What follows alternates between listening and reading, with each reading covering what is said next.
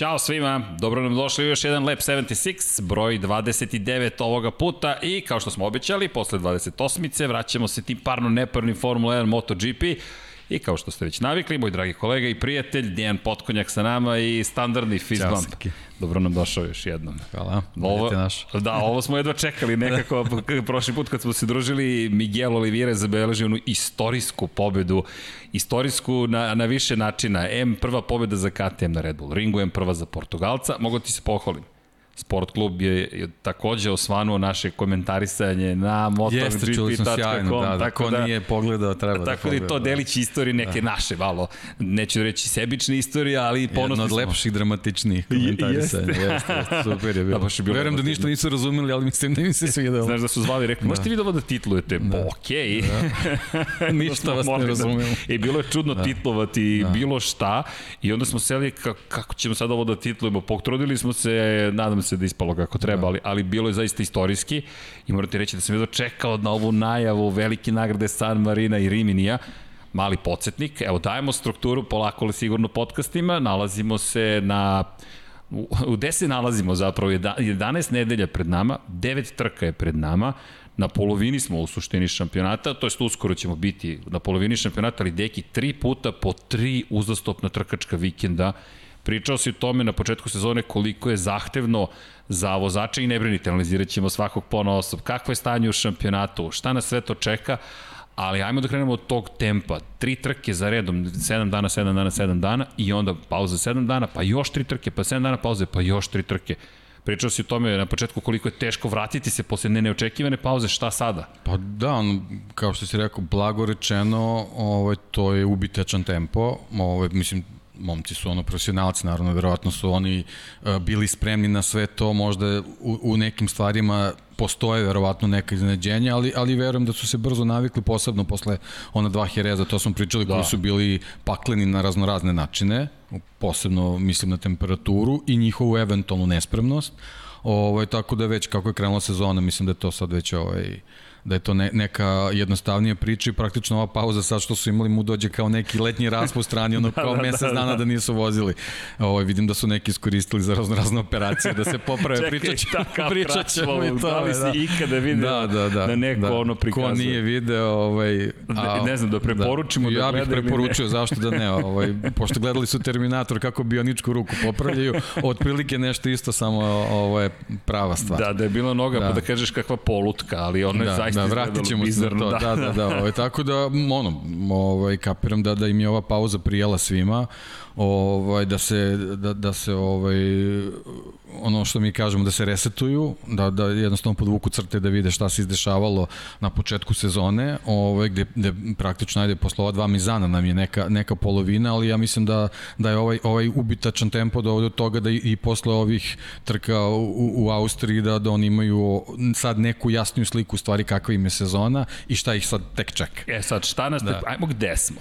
Fabio Quartararo vozač Petronas Yamahe Inače, za sve one koji misle da će se do deseti velika promjena i da Valentino Rossi neće potpisati za Petronas Yamahu, već da će doći Andrea Dovizioso, oglasio se Razan Razali, to je poslednja informacija. Poslednja informacija, da. Rekao da. je, to je da. besmislica. I hvala mu, mislim, krenule su raznorazne špekulacije, da. tako da on, čovjek je presekao, ovaj, možda nisu baš svi očekivali s nekih marketinških stanovišta će to da, da se desi, ali mislim da, da je ovako fair, pre svega zbog te neke tenzije možda među njegovim vozačima i generalno Yamahi, tako da mislim pa da, da, da, pregovora. Da je to dobar potez bio da, da ovaj, mislim, e, iskreno meni Doviciozo nekako nije bio, nije mi se uklapao u tu priču da kad sam prvi put video da su, da su se pojavile te neke glasine, špekulacije, ne znam, jednostavno Doviciozo, Yamaha, Petronas, imali su svoj, Monster imali i tako dalje, to je sve neka period, čudna kombinacija. Da. U teh tri Yamahe da. i to je dobro prošlo, on je živeo da. karijeru da. praktično, da. ne, ne zaboravimo Andrea Doviciozo imao jedan čudan put, ajde vratit ćemo se na Andrea Doviciozo, da. mada, pazi, da, tri možda možemo sad, da, da, možemo, možda, možemo sad. Da, Andrea da. Doviciozo je drugi u šampionatu, tako tri je. poena zaostaje za Fabijom Quartarom koji posle pet trka, pet u MotoGP-u, šest u Moto2 i Moto3 kategorijama,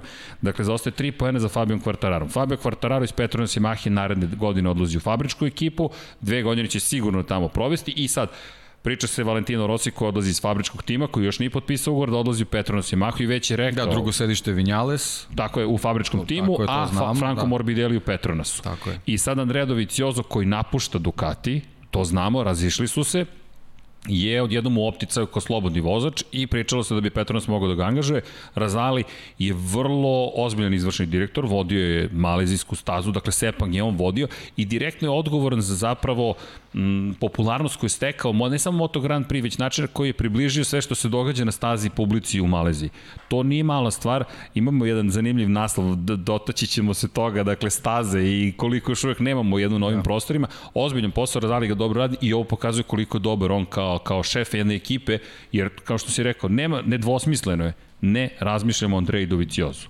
Kraj kraj priče, oni se fokusiraju na neke stvari koji trebaju da se izdešavaju, ja mislim da je to onako skroz ok, posebno što imamo tu drugu stranu, Andreja Dovicioza, videli smo, on, on čovjek stvarno nije, ne, nema puno izve u medijima, on, on gradi neku svoju priču, vidjet ćemo kako će da bude da. i možda ni njemu ovo ne bi trebalo da bude neki dodatni pritisak, jer da ovu izjavu nismo imali, ludnica bi bila, mislim, njegov dolazak u Mizano, ko zna na što bi to ličila, on, on treba ipak da se fokusira na ovaj neki završetak sezone ili on nikako nije završio priču Ducatiju. Znači, Naprotiv. upravo ovo što si rekao. Znači, on je drugi u šampionatu, uh, ono, ono što, o, o, što smo već i pričali i nekako usvojili kao, kao neku, neku našu teoriju, on je čovjek koji, koji ne žuri, lagano skuplja bodove, znači njemu nikakva tenzija, sad neka nova poslovne priče, da li ostaju Ducati ili ne, da se sad pojavljuje priča Petronas Yamaha ili ne, njemu u ovom trenutku ne treba, tako da mislim da je zahvalan ovaj, pa, ekipi Petronas, rešio. tako i, i gospodinu ovaj, Zaliju zato što je, zato što je jednostavno prekinuo sve te kombinacije i, i mislim da je to skroz okej. Okay. Pa da, svima fokus ide na neku drugu stranu. Pritom, Valentino Rossi koji je sedmi u šampionatu sveta, ali kad kažemo sedmi, čudno je tu pozicija. Ja ovo moram da pročitam. Neki slušaj ovo. Znam da znaš, ali za sve naše slušalci i gledalci. Doviciozo je dakle drugi. Jack Miller na privatnom Ducatiju. Dakle, na pramak Ducatiju, 14 pojena zaostaje za kvartararom. Brad Binder na, na fabričkom KTM-u 21, još jedan. Brad Binder Novajli je četvrti u šampionatu sveta. Maverick Vinales na fabričkoj Yamahi 22 pojena zaostaje. Takaki Nakagami na privatnoj Hondi Dakle, Lučo Čekinalo Racinga 24 pojena zaostaje.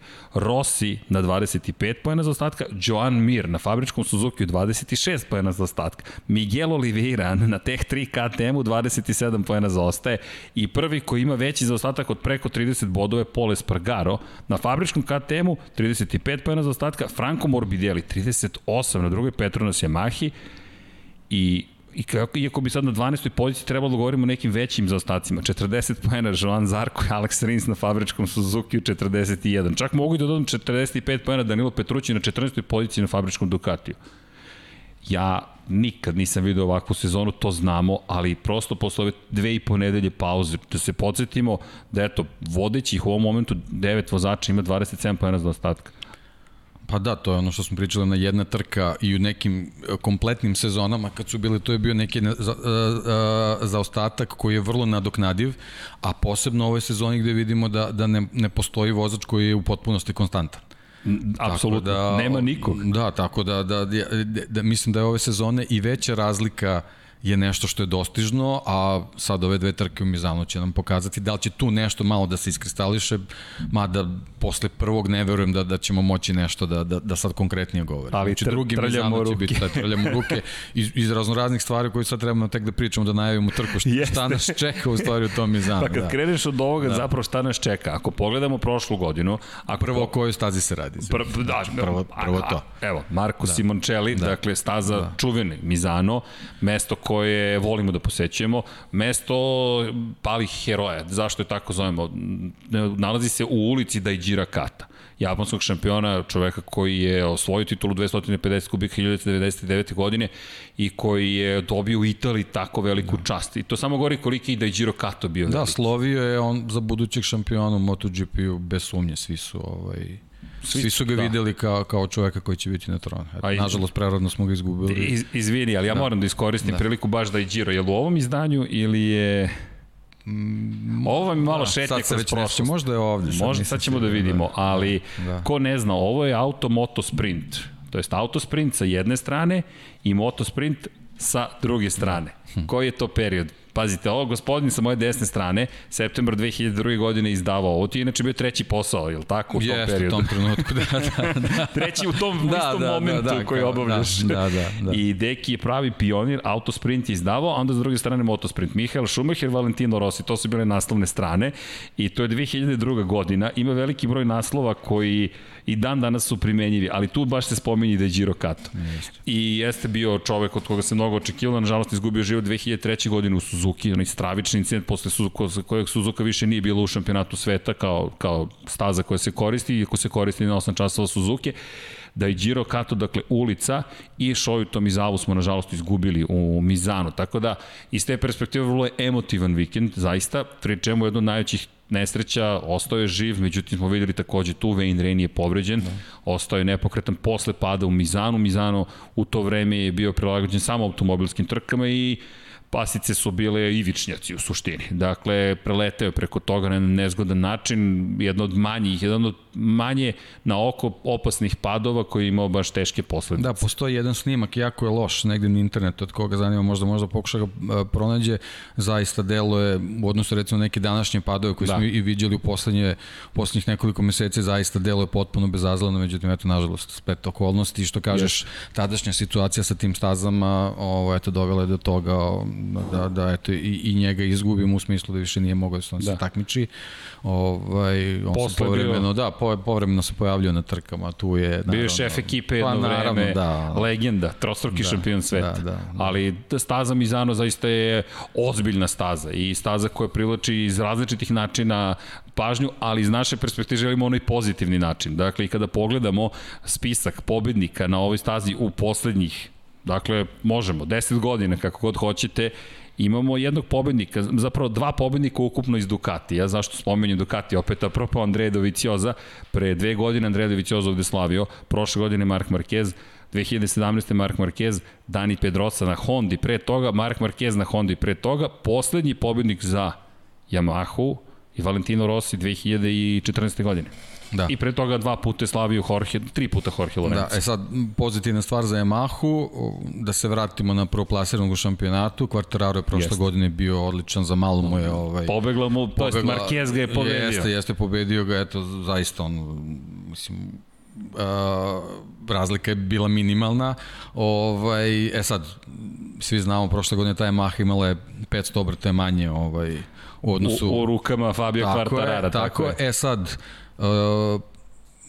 svi smo očekivali da, da, da je ovo Yamahina staza u tom smislu da, da, da, da im odgovara, da ćemo ovaj, videti konačno da ih vidimo u pravom svetlu posle Hereza, posebno ovaj, kad je reč o Kvartararu, međutim yes. vidim da sad već su neke najave bile da će oni preventivno u Mizanu ponovo boriti broj obrtaja, uh, UTH je što eto prošle godine su bili vrlo konkurentni za pobedu sa tim manjim brojem obrtaja, međutim prošle godine sve je funkcionisalo kako treba na njegovom motociklu, sad smo videli da ove godine to baš nije tako, nije tako da pričamo i o kočnicama, da pričamo i o, i o ovaj, vešanju. Tako da ovaj nadam se da će da će jedina stvar koja će ga sputavati ponovo biti ti obrtaj. Ali to sad ne možemo da znamo dok se ne pojave na nekim prvim treninzima. Tako je i to je sad to najveće pitanje zapravo šta se događa sa Fabijom Kvartararom.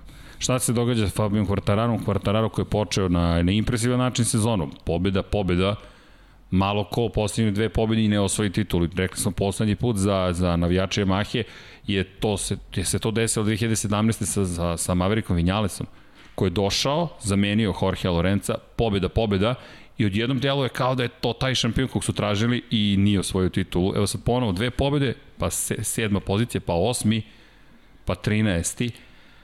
Pa ne znam, situacija je sad malo kompleksnija. Jeste. Mi smo krenuli sa analizom ličnosti Fabija Kvartarara.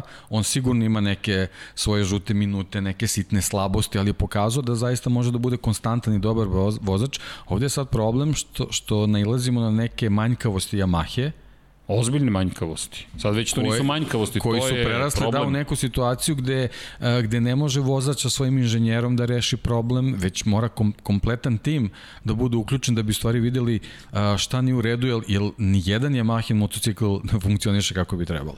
I sad verujem da, da su to neke stvari koji koji ubace crva i, i, i u glavu Fabija Kvartarara, koji posle dve, dve eksplozivne trke odjednom je ponovo na nivou neke, neke konkurentnosti koje, za koju možemo kažemo da je prosečna.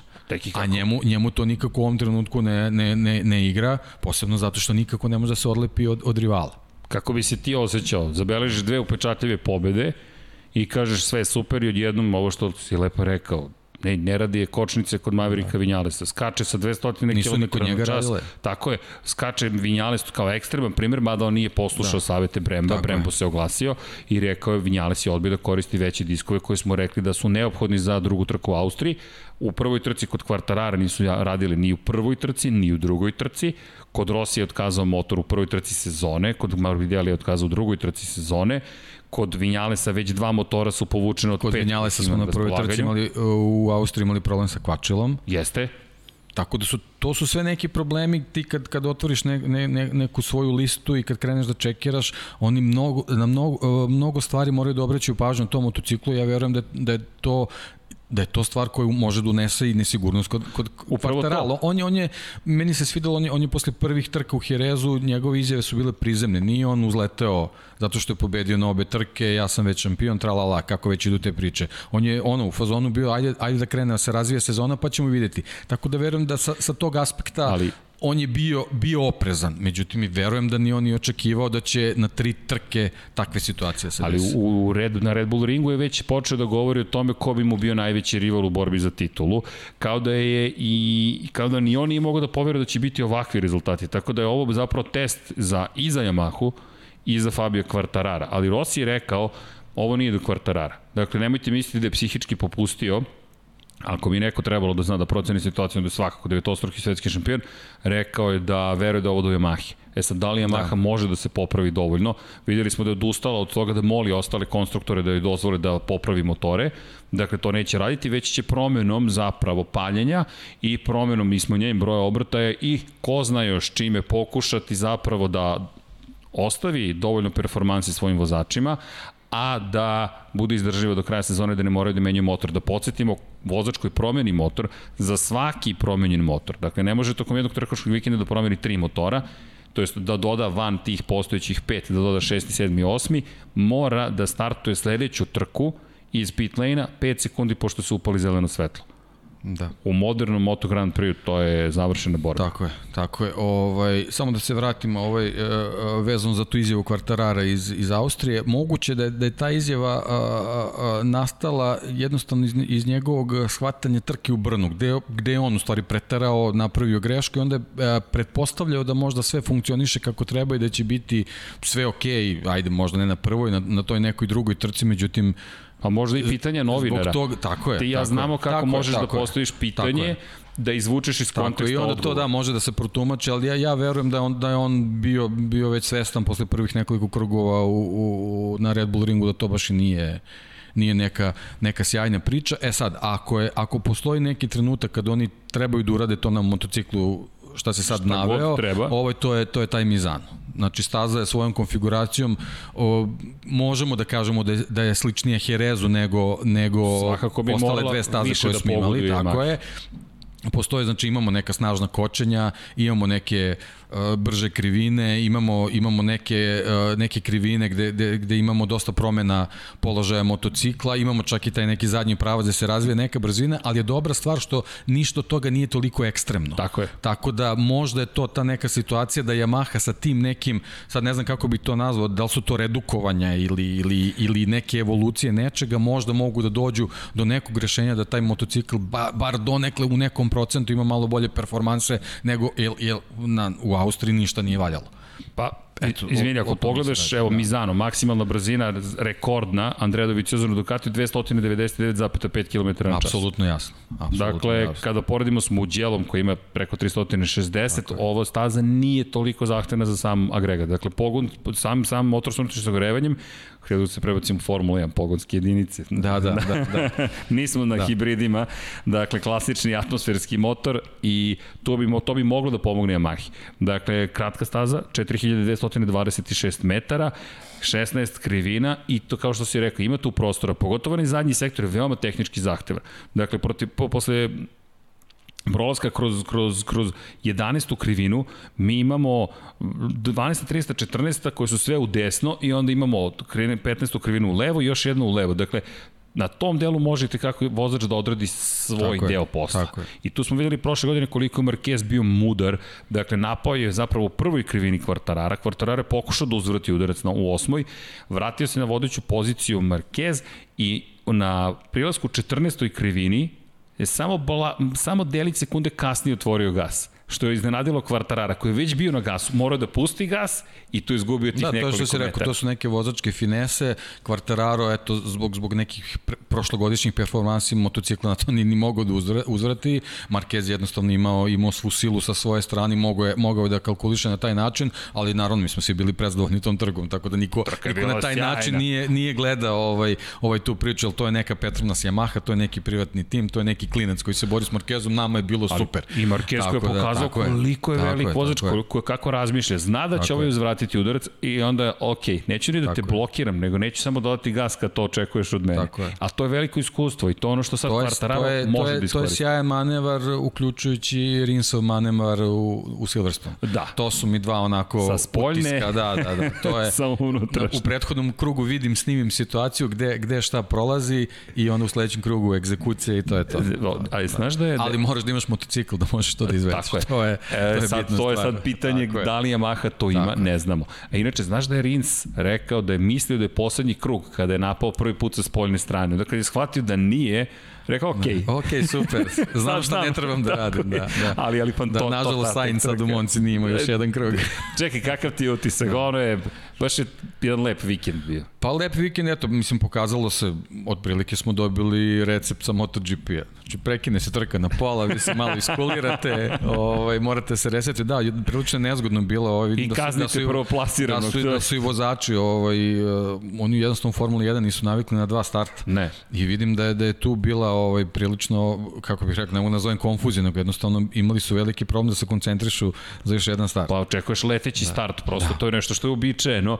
Pa jednom... Ne Formula 1, takva su pravila, da, to, to je to. to. Znači, crvena zastava, znači trka je prekinuta, kreće kako je počela i na početku. To se posljednji put desilo u Monaku, kada smo imali crvenu zastavu pre koliko, četiri godine, ja mislim, tako ili pet, da, tako nešto. Da. Ali, ali, i to je isto bio moment kada su mogli da menjaju gume, gde što nam je Monako bilo žao, menjaju gume, ja ne, taman je postalo zanimljivo, čim nove gume su stavljene, sve je bilo završeno.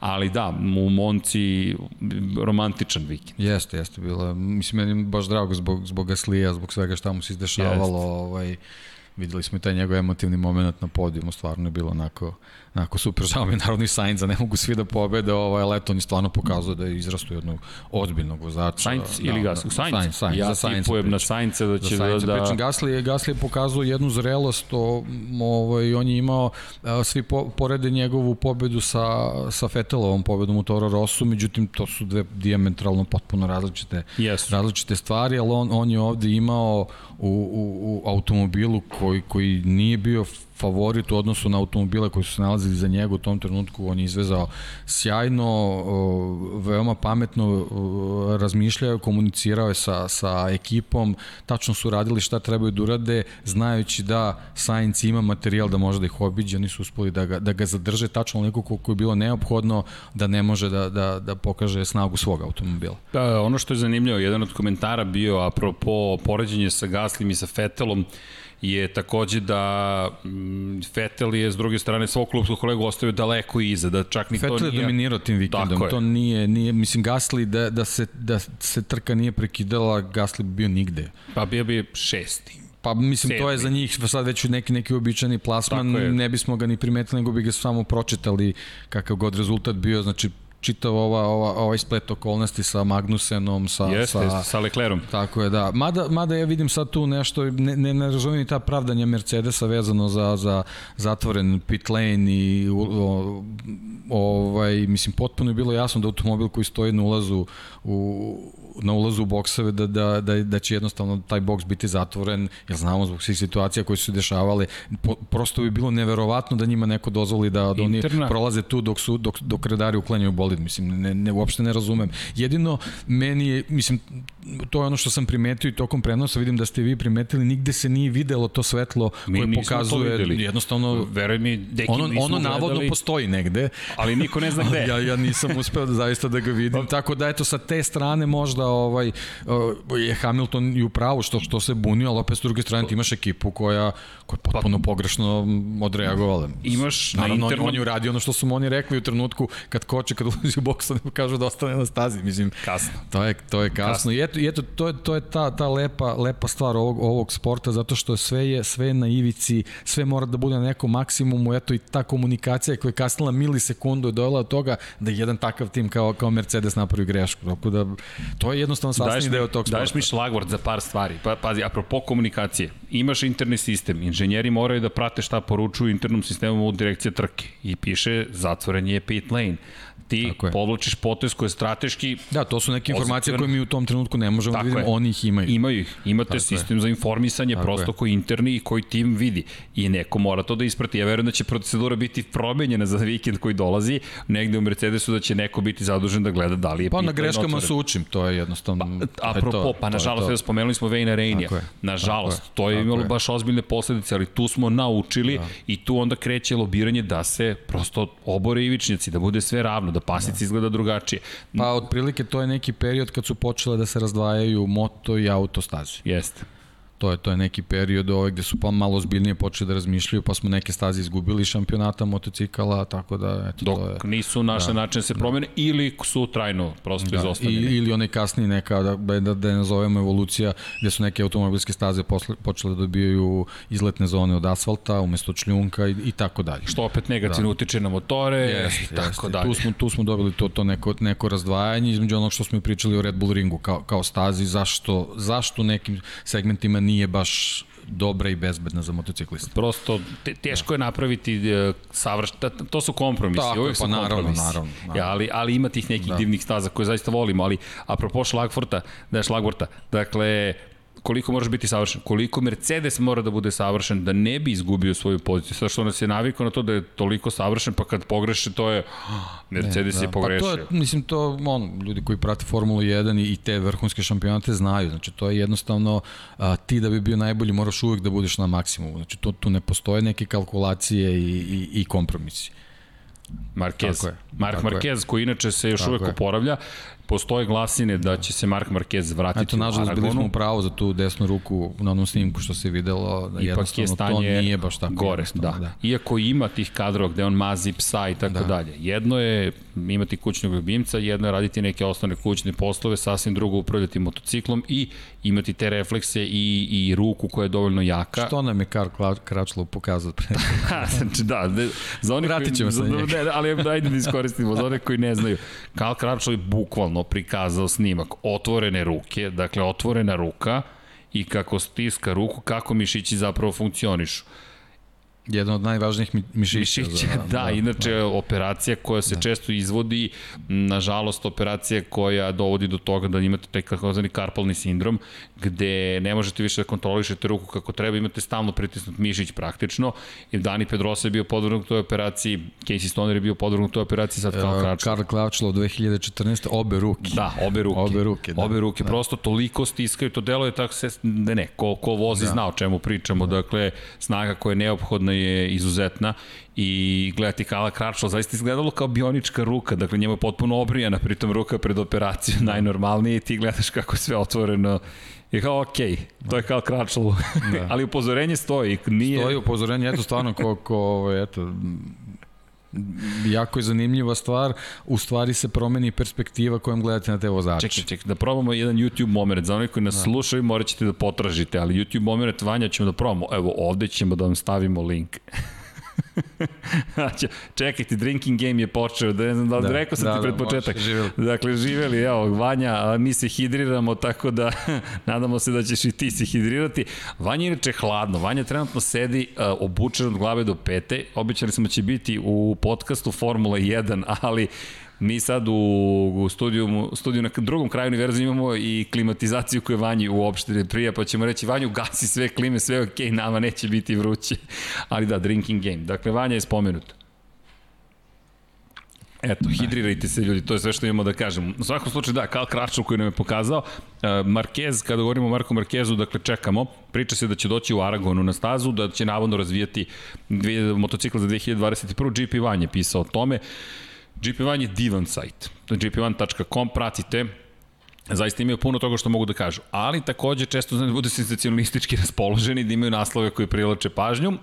Ne mogu reći da mi je to jedan od lepših aspekata, ali svaka čast cijeloj ekipi im vrlo su dobro informisani, imaju jake veze u italijanskim krugovima i Carlo Perrat je često tu u poseti, međutim po svim, ne, po svim drugim izvorima Marquez teško da će se vratiti u Aragonu.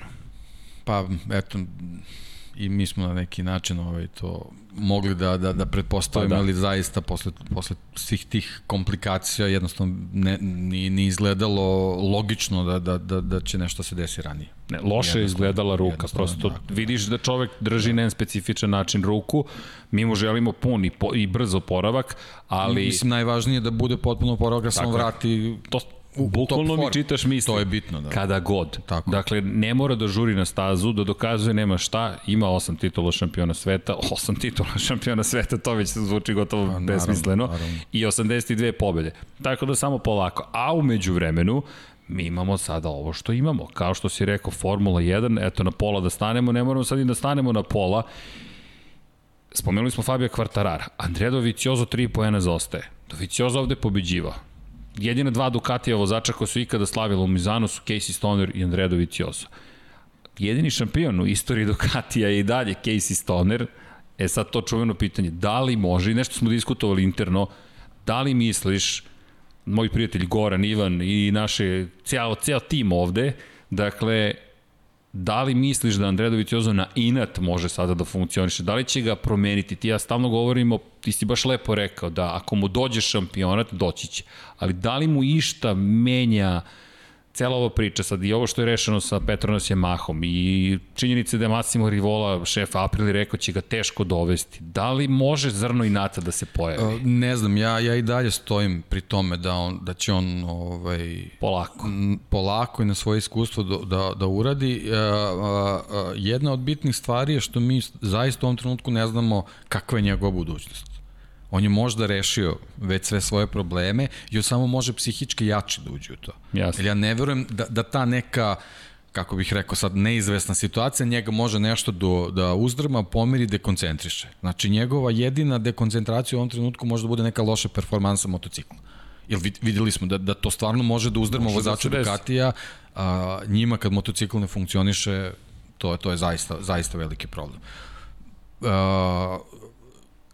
Ne postoji italijanski vozač za koga može da kaže da Mizano nije njegova staza. To ja ne znam. Mislim, možemo sada da krenemo s nekom pa, analizom, da, ali... ali jednostavno on je u ovom trenutku, znači e, šampionat je e, pod njegovom kontrolom, neko treba da gleda u ogledalo da bi njega vidio, on, on gleda samo napred i, i, i drži ovaj situaciju u svojim rukama, ako krene taj vikend da, da se lepo razvije prvi ili drugi, on će ponovo biti u nekoj situaciji da, da to drži ovaj pod kontrolom do nekog trenutka dok ne dođe staza gde može možda iz, da izdominira. E, onda će on to, ono što sam mi rekao, prihvatiti i sigurno će to sprovesti u delo da, da ostvoji neki maksimalni broj bodova negde. Da li će u Mizanu to biti, to zaista u ovom trenutku je teško reći. To ovaj, ali mislim, mislim da će ti neki prvi treninzi na toj novoj podlozi ovaj, čuli smo i da, da, da se doteruju, da Michelin doteruje nove gume. Jeste. Ti imaš sigurno neke, neke, nekih više detalja o tome, pa, ali u principu već si izneo glavni da, detalj. Da, to su, to su znači neke stvari koje, koje ćemo vrlo brzo znati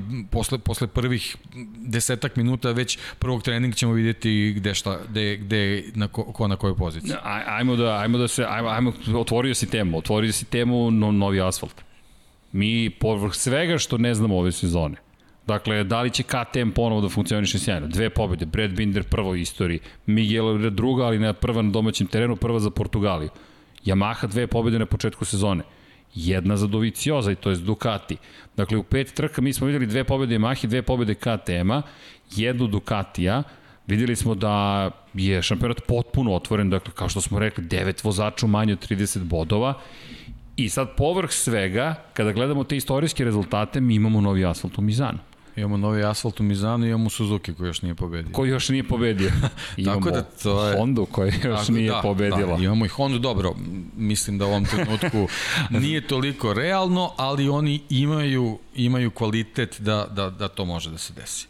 Ali... Znači, to je eto neko, neko moje razmišljenje. Znači, ja, ja i dalje kao, kao što sam bio ovaj, u, u, u pred, pred trke u Austriji, nekako mi je sve vuklo na stranu Suzuki. Mislim, oni su pokazali da su imali ovaj potencijal da, da mogu da, da zabelaže podijum ili pobedu. Dobro. Rins je uradio to što je uradio, ovaj, kako bih rekao, to je uglavnom neka, neka njegova greška, dok sa druge strane Mir jednostavno onaj prekid i, nastavak trke, on je, on je sve uradio da, da, da dođe do pe, te pobede, nije se desila. Ja mislim da, da takvo razmišljanje što tiče njih može da se prenese i na, i na Mizano. Ako, ako, ako pričamo, a pazi sad Mizano, sad dodokle smo se Honda, nije mi to bio neki plan, nije mi plan bio da, da sad kažem, ej, ok, ajmo sada, mi razmišljamo se ajmo po vozačima, međutim, iskreno sada kako smo izgovorili zapravo da Vanja nešto pokušava da učini i uh, sve se čuje Vanja, čisto da znaš koliko god pokušavaš da budeš tih, to to se sve čuje, ali nadam se da ćemo mu pomoći trenutno da nešto učini.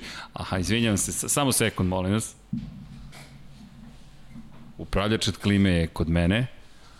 Vidi Vanja, slobodno reci, deki meni zaista nije nikakav problem. Ako želiš, evo, Možete da, jel treba da se ugasi i druga klima? Da bacim, ne, ne, kroz svu ovu opremu sigurno to neće učiniti Vanja, ali rado će ti predati. E, sad ćete videti Vanju. Čekajte, pa evo ga gospodin Milićević, makar njegova ruka. U svakom slučaju, da se vi vratimo na, na Hondu. Hondu.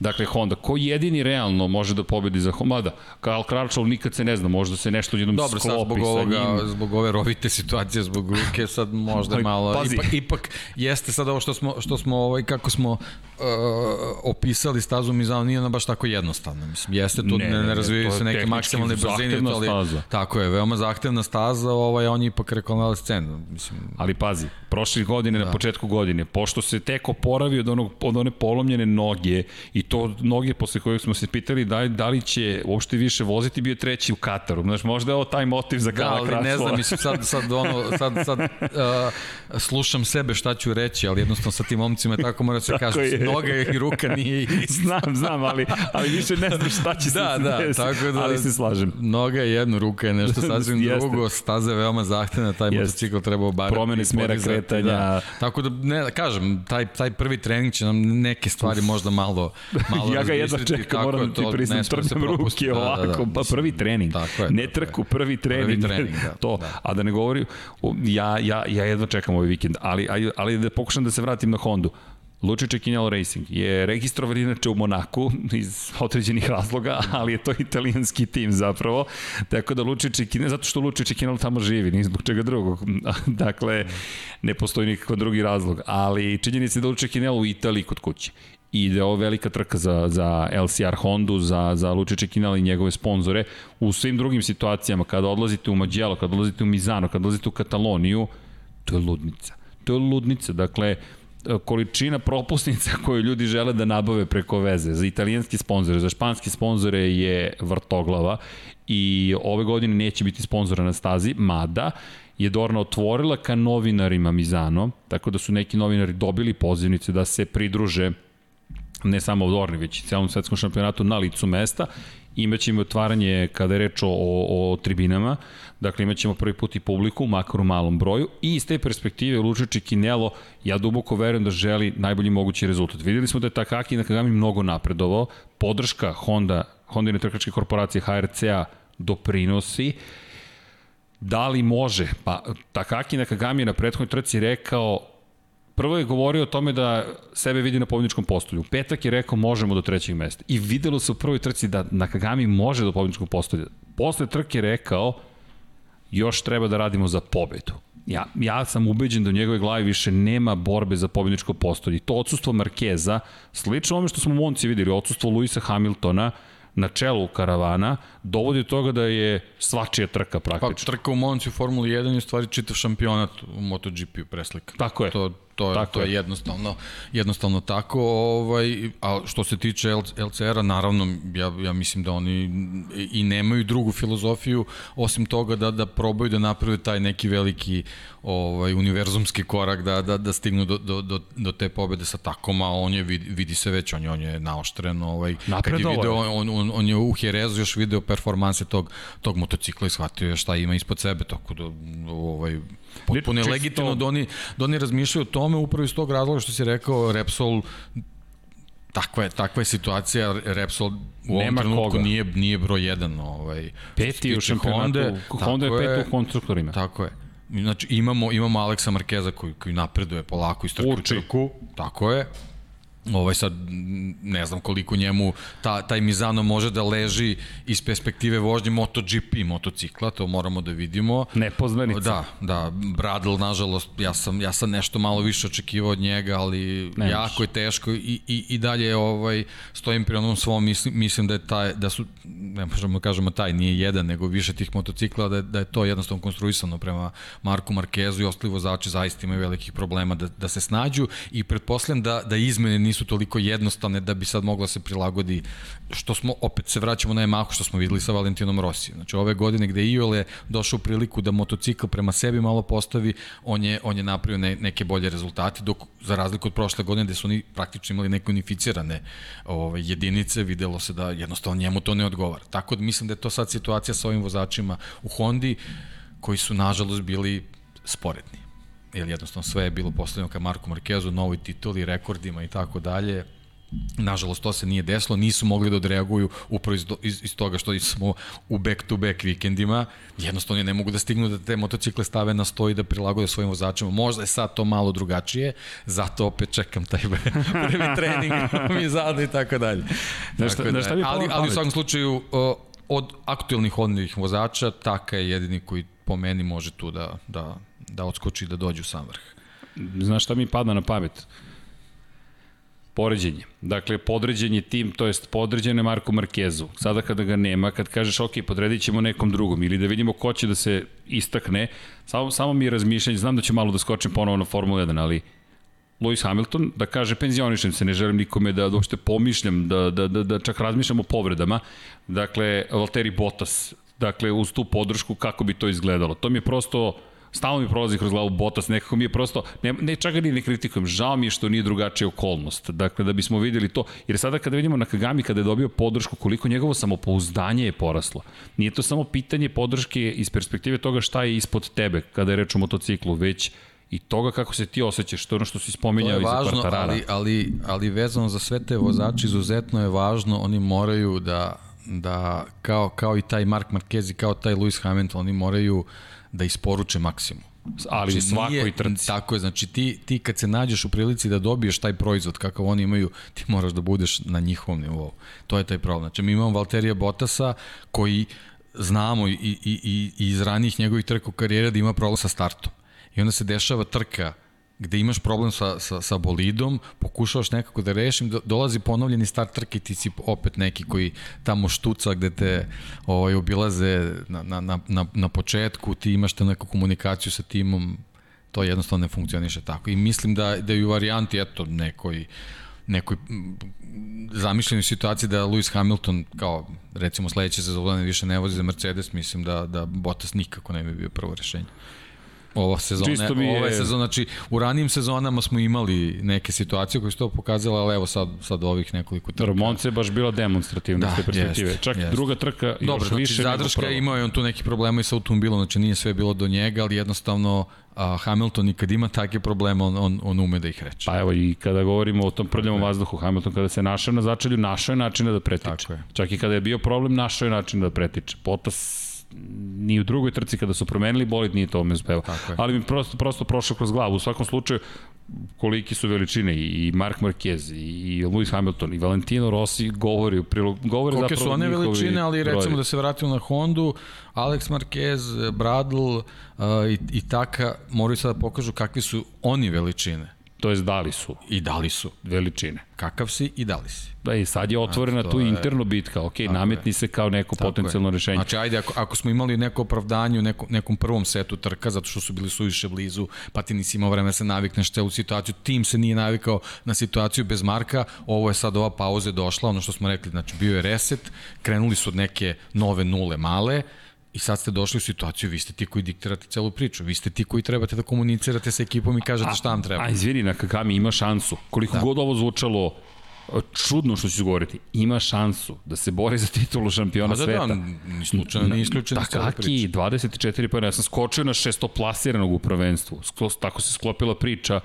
Ali to je samo 24 pojena razlike. To je ono što si rekao na početku. Ovde jedna trka. Uh, Mizano je, Mizano promeni. je staza gde, gde u prvom krugu, to je posle starta i u prvih nekoliko krimina svašta može da, da se desi, da se promeni. Može. Ko, ko to lepo iskoristi i ono što smo i pričali, prva tri starta reda su jako bitne. Prva tri startna reda, dakle devet, devet pozicija. Devet pozicija dakle, su jako bitne. Da se jako vratimo na Q1, Q2, Q3. Ko prolazi direktno, to prosti, slobodni trening 1, 2, 3. Ko prolazi u Q2 direktno, već ima olakšanje. Tako je. Već, A ne mogu svi. a ne mogu svi. Jer mi, mi samo kad nabrojimo, samo kad si nabrojio po, po generalnom plasmanu, tu ti je već nekih devet vozača. Tako je. A ima, a ima još neki koji nisu tu raznoraznim spletom okolnosti, a imaju kvalitet da budu. Tako da, Devet u borbi za titulu. Tako je. Čisto da budemo jasni, devet u borbi za titulu. Dakle, 27 pojena deli vodećih devet vozača. Pritom tu su vozači koji nisu pobeđivali. Znači oni oni samim svojim svojim plasmanom uh, su imaju ovaj uh, kandiduju se da da budu među među ovaj pobednicima u Mizanu. Tako, e, a pazi sad ovo. Od vodećih 10 u šampionatu, ko još nema pobedu? Pazi, smanjuje se broj ljudi bez pobeda u Moto Grand Prix šampionatu, što je lepo videti. Dakle, Fabio Quartararo koji je prvi, pobedio, pobedio dva puta ove godine. I dalje su to njegove prve pobede, jedine pobede u karijeri.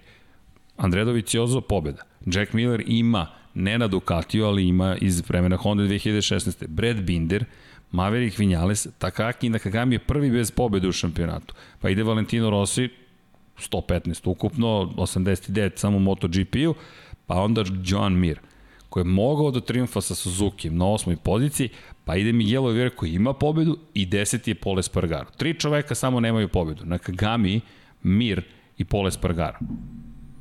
Da. Čisto zašto spominjemo ko Da, će znači, pobediti. to su eventualno vozači koji možda mogu nekim, ako se nađu u toj situaciji, možda u završnim fazama trke možda mogu da osete neki pritisak ovaj, gde, gde u stvari što se tiče uh, nas i, i naše perspektive gledalaca može samo da bude da dođe do nekog novog spektakla, tako da ovaj, Ali, vrlo je otvorena cela situacija, Da li- pritom tu nisi spomenuo Rinsa, koji, Rins koji je 13. koji je 13. u plasmanu, 13., mislim, čovjek, pa. čovjek koji vrlo, Čitavih- vrlo zna kako se pobeđuje, pritom ima, ima aparat koji, koji može da ga dovede do pobede. 41 poen zaostaje. Mi imamo 9 trka do kraja. To je nadoknadivo ove sezone. Pa to je, eto, odukati na neki 200 bodova da zaokružimo, znači to, to nije ovaj... To je otvorena to je, priča. Tako je. I to da nije pao u prvoj trci u Austriji, on je de facto nekih treći, četvrti u šampionatu sveta. Tako je. Pritom ne, ne treba zaboraviti da je bio Rovic zbog prvog Jereza. Jeste. Čovjek je nekako izgurao ovaj deo sezone, da kažemo, eto, verovatno ni oni nisu zadovoljni s tim nekim ovaj brojem bodova i nekom pozicijom, ali on je ono ka- kako bi rekao, ovaj smanjuje štetu. Tako da da je tu i, i taj taj prvi ovaj prva Austrija tu je, tu je mogao, ovaj, eto da nije bio toliko ambiciozan, tu je mogu da ima neku količinu bodova koja bi ga sad već dovela među prvih 10 na, na, Da. na tabeli. Ma, Čuj prvih 10. I, I to govori stvari koliko je bitno samo da se bude kons- konstantan ove godine. Jeste. To je u stvari najvažnije. Čak ni broj pobjeda nije toliko bitno. I da si stalno taj koji je tu, je. tu, tu, tu, tu, tu, A tu. to opet da se vratimo Andreja Doviciozo, zna kako se radi. e da, jel ti tip Andreja Dovicioza za titulu? Kažem, on, on, on će svaku priliku iskoristiti, to, to, sam- Smeti to sam se brk, siguran. pazi, gledam ne, te, to sam smeti siguran, se brk. Ali, ali, ali teško, teško je uh, njega navesti kao nekog isključivog favorita. Upravo Da li zbog njegove ove filozofije vožnje i takmičenja. Eto, to, sa, samo zbog toga ne mogu da kažem da 100% sigurno, ali da, da će on koristiti svaku priliku da uzme maksimalan broj bodova u nekoj situaciji, to, to jednostavno to je. A ovo može biti tako. takav šampion. Ovo može da bude takav šampion. Izdržljivosti. Tako je. bukvalno. A on, on to zna da radi, mislim, on, on je te šampionate već radio sa nekim drugim veličinama i zvezdama. Pa izvini, 2004. Ako se vratimo u 2004. Andrea Doviciozo, kada pogledaš taj šampionat, je u velikoj meri zahvaljujući toj izdržljivosti i odsustvu iracionalnih poteza zapravo bio taj koji je najkonstantniji bio 2004. osvojio titulu 125 kubika protiv Casey Stonera, protiv Jorge Lorenza, Tako protiv jedne ozbiljne grupe ljudi. Tako da da, ok, da Viciozo Tako je, pri čemu... i, i kad se pogleda sad da, da, da ne navodimo taksativno, verovatno ćemo nešto i da promašimo, a, svaka njegova, svaki njegov pad, neko odustajanje, neko drugi je to proizveo. Znači on je, on je čovjek koji vrlo redko greši. Znači njemu je najvažnije da mašina ispod njega mu uliva poverenje.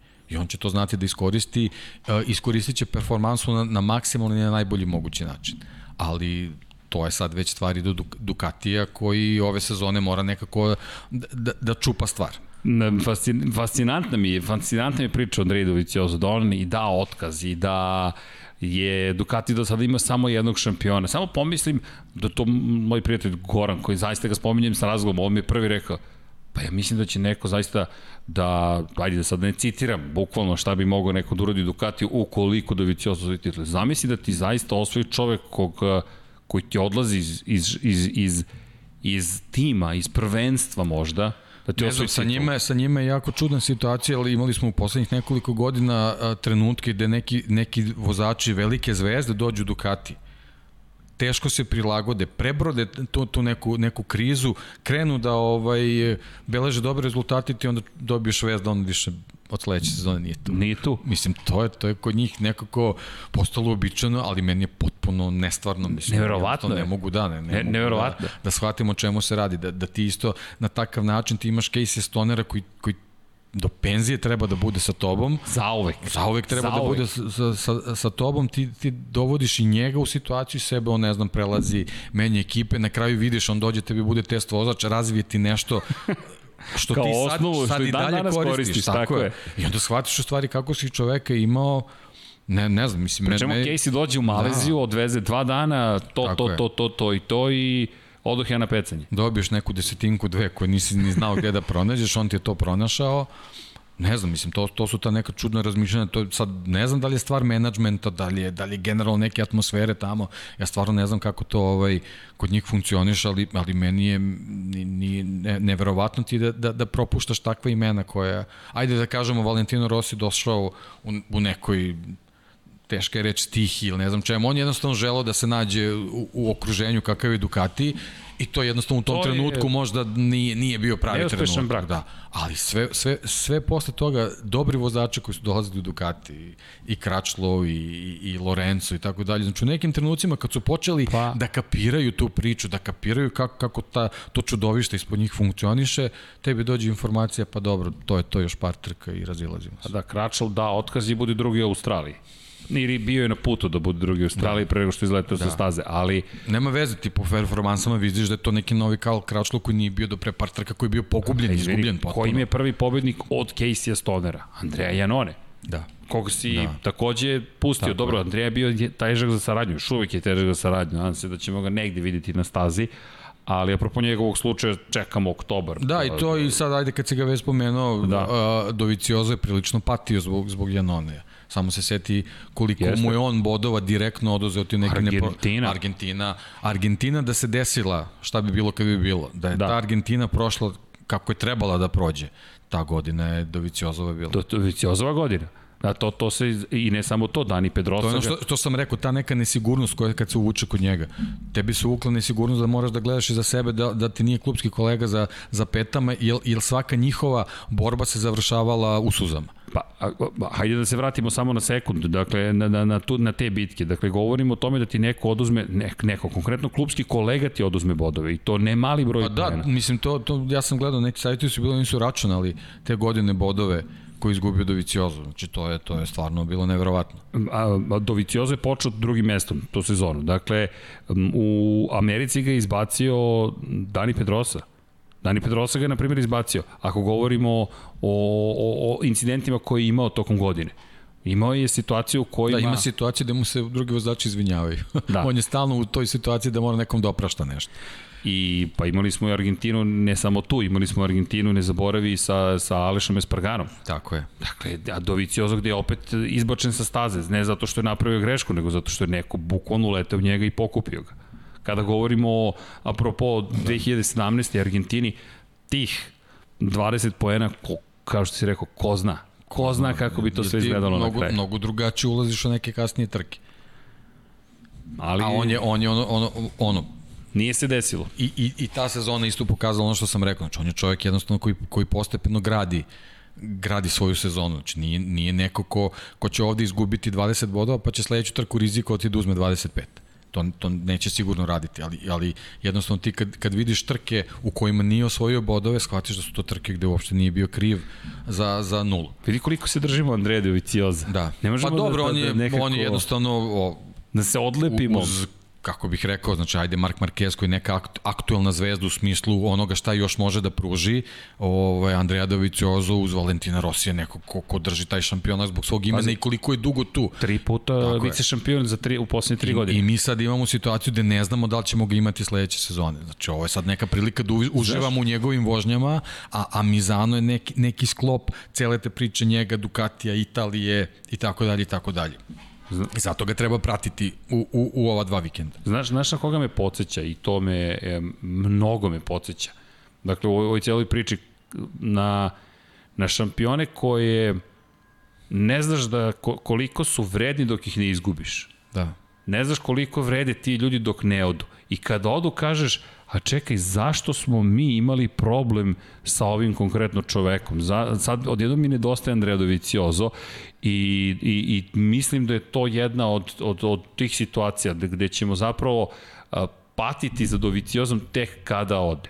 I da ćemo da. tek tu videti zapravo da. koliko je doprinosio u šampionatu. Ono što nikada nije imao, mislim da to, to, to, to stalno i napomenješ, jeste taj, taj mentalitet gotovo ajkula koje pokazuju i Rossi i Marquez. Pobeda, pobeda, pobeda. Drugačije je prosto mentalitet njegov. I to smo videli i onaj sjajni dokumentarac, dakle, gde jednostavno vidiš čoveka koji uživa u motokrosu koji će je. možda na kraju završiti. Tako je, tako je.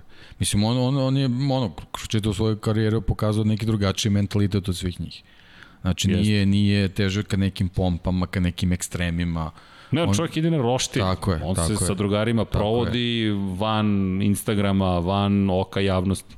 Tako je, da to je neka, neka skroz drugačija priča, možda zato i nije pod navodima toliko uspeo u MotoGP. On jednostavno nije, nije zvezda neka marketinška velika zvezda koja, koja privlačite neke armije navijača, ti nemaš Dovicioza u tribinu kao što imaš od ovih, nemaš, imaš Ducati. Imaš Vinjalisa u tribinu. Tako je, tako je. Imaš Vinjalisa da, u tribinu, imaš da. Rinsa u tribinu. Tako je. O Markezu i Rosiju da ne pričamo. Tako je, znači on se, on se uklopio u taj Ducati i to, i to je to. Ovaj, ali to što si rekao, on tek kada ode shvatit ćeš kao, kao i Dani Pedrosa, isto. Da, koliko smo ga kritikovali, ili koliko je, jao, nikad neće biti ništa od njega, onda staneš kada je otišao, Da. Wow. U stvari shvatiš da on, da on, on je imao svoj nastup, svoju filozofiju nastupa, od toga nije, nije ovaj stupao. Iako smo mi želeli da on, to što ti kažeš, nešto krene da, da bude ajkula, da grize, on je jednostavno imao, imao neku svoju priču, nje se držao i u stvari sad vidimo kakav je neko kvalitet od, od, u KTM-u, u KTM-u koji, da, koji... Da, da završimo sad sa Ducatijem i, i, ali, i, i Doviciozom, ali ne možemo završiti. Ne možemo završiti Ducatijem. U principu ne znamo ko će sedeti na, na, na tim motociklima sledeće Znamo sezon. samo za Jacka Millera, Tako što je. nas dovodi do Jacka je. Millera. Treći u šampionatu je Jack Tako Miller. Je. Pazi, 14 poena samo zaostaje.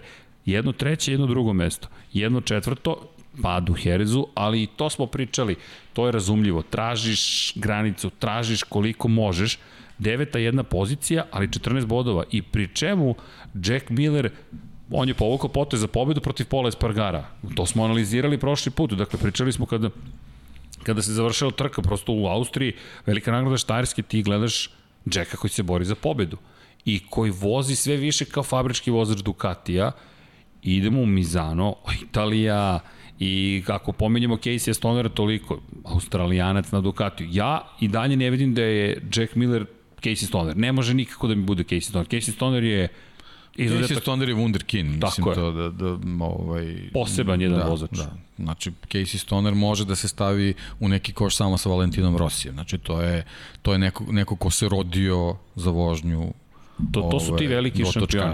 Casey Stoner ja sam par puta pisao neki tekst o njemu, ti kad se pronađu neke fotografije iz arhive, ti viš neko dete od dve godine koje vozi nek, neke... Pa to... Mo, znači, to je jedno, on je jednostavno rođen i, i to ne, ne može, ne može na taj način da se, da se poredi. Između oslog, znači, Casey Stoner je čovjek koji je ukrotio Ducati, bio svetski šampion i, i tu se stavlja tačka. U prvoj sezoni na Ducati. I tu se stavlja tačka, znači to je... A, a, a, a ovo što smo ispomenuli, sadašnji Ducati funkcionišu zahvaljujući Casey Stoneru ovako kako funkcionišu. Da, ali to je kada ga je Honda otpustila zapravo kad je otišao iz Honde. Kad je otišao, da, to je čuveni da, moment. Da, da, na 8 časova da. Suzuki kada je doživeo pad, rekao je zaglavila se Sajla Gasa i Honda da. inženjeri, ne, saopštenje iz Hondinog tima, to nije tačno, da. mi ćemo proveriti pa ćemo izdati saopštenje za javnost. I Stoner je rekao, a nije tačno, polomio obe noge, pritom čovjek izlete zato što mu se zaglavio, on je prošao Degnerove krivine, prolazi ispod nadvožnjaka, skreće u desno, ide u kosnica u levo i on u toj brzoj krivini sa 160 ostaje u punom gasu, skače s motora i proleće ne kroz Na, nažalost nije bila, po, nije bila pena, već je ulete u blokove koji su tu bili, opet da se vratim na Red Bull, konfiguracija... O, koliko je Vinjales dobro prošao. Koliko je, na primjer, a ovde da. nije imao, on je tako skočio da je polomio da, to je otprilike slična situacija bila. Slična situacija da, da. i on kaže, zaglavila se Sajla Gas, kažu ne. I kada su završili analizu, ispostavilo se da je zaglavila Sajla Gas i Honda izdala saopštenje da je pogrešila, ali šta ti je opet Hondin stav? Ne možeš da kažeš da smo mi pogrešili, da je Honda motocikl kriv. Po da. defaultu ne možeš, ne na 8 časova Suzuki pogotovo. I Stoner pogotovo rekao, ne u javnost, da, mislim, tako, dobro, Casey Stoner, evo, imali smo sad, da opet da se vratimo u Formulu 1 sa, sa Okonom, on je problem sa njegovom, njegovim radijom posle prolaska kroz cilj, da je rekao, ovo je bila naša trka, mi smo, i oni su rekli, ne možeš baš da u etar govoriš sve što treba. Da. Tako da mislim ali, da će to biti neki konsekvenci. Da, da, da, ali ovaj. kod Stonera, da, da. ali kod Stonera Stoner ne govori da bi postigao neki cilj. Stoner govori šta ste ga pitali. Tako je, šta tako se je. desilo? To se desilo. Tako je. I to je kraj. Honda to nije prihvatila i Stoner je posle toga rekao, tako me tretirate kao vašeg šampiona, kao čoveka koji je došao da vozi za vas. Završili smo. I ono što je uvek tražio jeste ta vrsta poštovanja, nije ni Stoner lag za saradnju, ali Ducati je tad rekao, ok, da li možemo da se vratimo jedni drugima, došao Ducati bio je u jednom momentu najbrži Ducati nad predsezonskim testiranjem. Tako je. Tako, pa ne, mislim, on je čovjek i dalje, i dalje u godinama u kojima može ono, da, da se pa vrati. Pa sa 27 se penzionisao. Tako je, tako je. Sa broj 27. Sad sam shvatio, da. pričamo o tim izuzetnim vozačima. Imamo Rosijevu da. kacigu, imamo da. Markezovu zastavu, imamo i Lorenca, poštujemo dovoljno da ne pričamo I fali nam, nedostaje nam nešto od Casey Stoner. E, ali ti si nam donio poklone neke. Hvala ti. Ko ne zna, evo ja ću da promovišem. Deki izbacio, iako on kaže knjižice, ja ću da kažem da. knjige. Jedna posvećena Ayrtonu Sena, jedna posvećena Mihaelu Schumacheru. Da, pa dobro, da, bili su ove, eto, čisto neki povodi. Ovaj, e, Ali to su divne stvari. Da, da, knjižica, to je dok sam radio u autobildu, tamo sam bio glavni odgovorni urednik, ovaj, došli smo na ideju, bilo je 20 godina ovaj, pogibije Ayrtona Sene, pa smo izbacili ovaj lepu knjižicu, on čisto eto neko podsjećanje ovaj, na, na, na, na velikog šampiona, naravno, mislim, čoveka koji je promenio istoriju promenio automobilizma, tako, tako, automobilizma, je, tako je, i onda, eto, nažalost, bil, imali smo tada još bila ta, ta sveža trauma ovaj, oko povrede Mihajla Šumahera, da. pa smo eto našli povod da, pošto ova knjiga o Seni je zaista lepo prošla, pa smo radili ovaj, i o, knjižicu o Schumacheru, tu je bila ideja, mogli smo ovaj, da, da nastavimo serijal ovaj, sa nekim drugim šampionima, ali ko zna, možda ćemo da ponovimo. Pa, pa da, mislim, ima, ima stvarno... Interesantna ovaj, tema, pazi, Sena, Schumacher, Hamilton... 70 godina je Formula 1, sva što se tu ima, ovaj, dešava. Kula se, vidim po tebi, da, da, pa ne, se. ne, to, to su priče koje, koje postoje, koje su tu, mislim, to je ono stvarno, posebno kako dolaze nove generacije, one, one slabije znaju tim nekim starim šampionima, a, a sad su i neka druga vremena, tako da svako podsjećanje na, na neki istorijat trka, posebno Formula 1, mislim da svima može da bude zanimljiv, tako da... Pa pazi, ja mislim da o, o MotoGP-u može mnogo toga da se to, kaže. Posebno, Čekaj, u 2020. tek šta će moći da se kaže kad pričaš starim šampionima, nećemo zaboraviti ni Rose, nego ne možemo da stignemo, on je na sedmoj poziciji, da. ali Jack Miller, a moram sam spomenuti tvoje knjige, dakle meni to divno, to su knjige, dakle da. ljudi čitajte knjige, mi ih ovde obožavamo i ja se mnogo radujem, hvala ti na poklonima I... U, čekaj, ma moram, ma jače od mene. Čekajte, pa ovo je naš podcast, mi se ovde zabavljamo. Pogledajte šta smo dobili. Moram da pazim, 76. izdanje Velike nagrade Monaka, 2018. Deki nam je doneo poster. Ja sam oduševljena. I ovo će biti uramljeno deki i, i stajaće 24. 5. 6. 7. maj 2018. Nadam se da će imati veliku nagradu Monaka naredne godine. dakle, ali možemo se podsjetiti. Znaš koliko? Hvala ti. I, i pozdrav Nema svima. Čemu. Znaš ti šta smo sve mi dobili? Ja, mi smo se sad iselili, svašta smo imali. Ovo je neki drugi kraj univerzuma, ali nemojte da brinete, sređujemo još uvek stvari i tako to. Imamo, eto, klimu smo dobili, dakle, u ovom novom univerzumu ili na drugom kraju. Ali, stižu nam dresovi, uh, javljaju se ljudi za NFL, javljaju se ljudi za automotosport, javljaju se za kosmos, dobili smo knjigu, dakle, sve to sad u ovoj selitbi, verujte na sve strane, e da, šta smo dobili, sad ne možemo, pošto se sad iza kulisa dešava dosipanje, e, sredstva za hidrataciju gospodina Dejana Potkonjaka, dakle, e, to vanja, Stigli su nam od našeg prijatelja Đoleta Niki Hayden zastave. Niki Hayden zastave, svetski šampion iz 2006. godine, poslednji američki šampion. Da, jednostavno teško je što smo ga izgubili. Pričamo eto na početku palim herojima i Angela Nijeta i Nikije Haydena. Inače, moram da ispričam kratko samo tu priču, dakle, o, o, o, o, o ovim zastavama. Ove zastave su koštale 1 euro. 1 euro u Brnu. I to je ekipa koja je bila 2016. kada je Kyle Crutchlow pobedio prvi put u karijeri. Jelena, pozdrav za našu zvezdicu, dakle ga je prozvala i pitala, dobro, kada ćeš da pobediš u MotoGP-u? A znaš da je on za, za intervju je uvek mm, zahtjevan. Da, strahota. strahota, tako je. Ali voli da podeli kozmetičke zahvate na ruci. Terminator pravi. Strašno, Možda da. je to hteo da pošalje.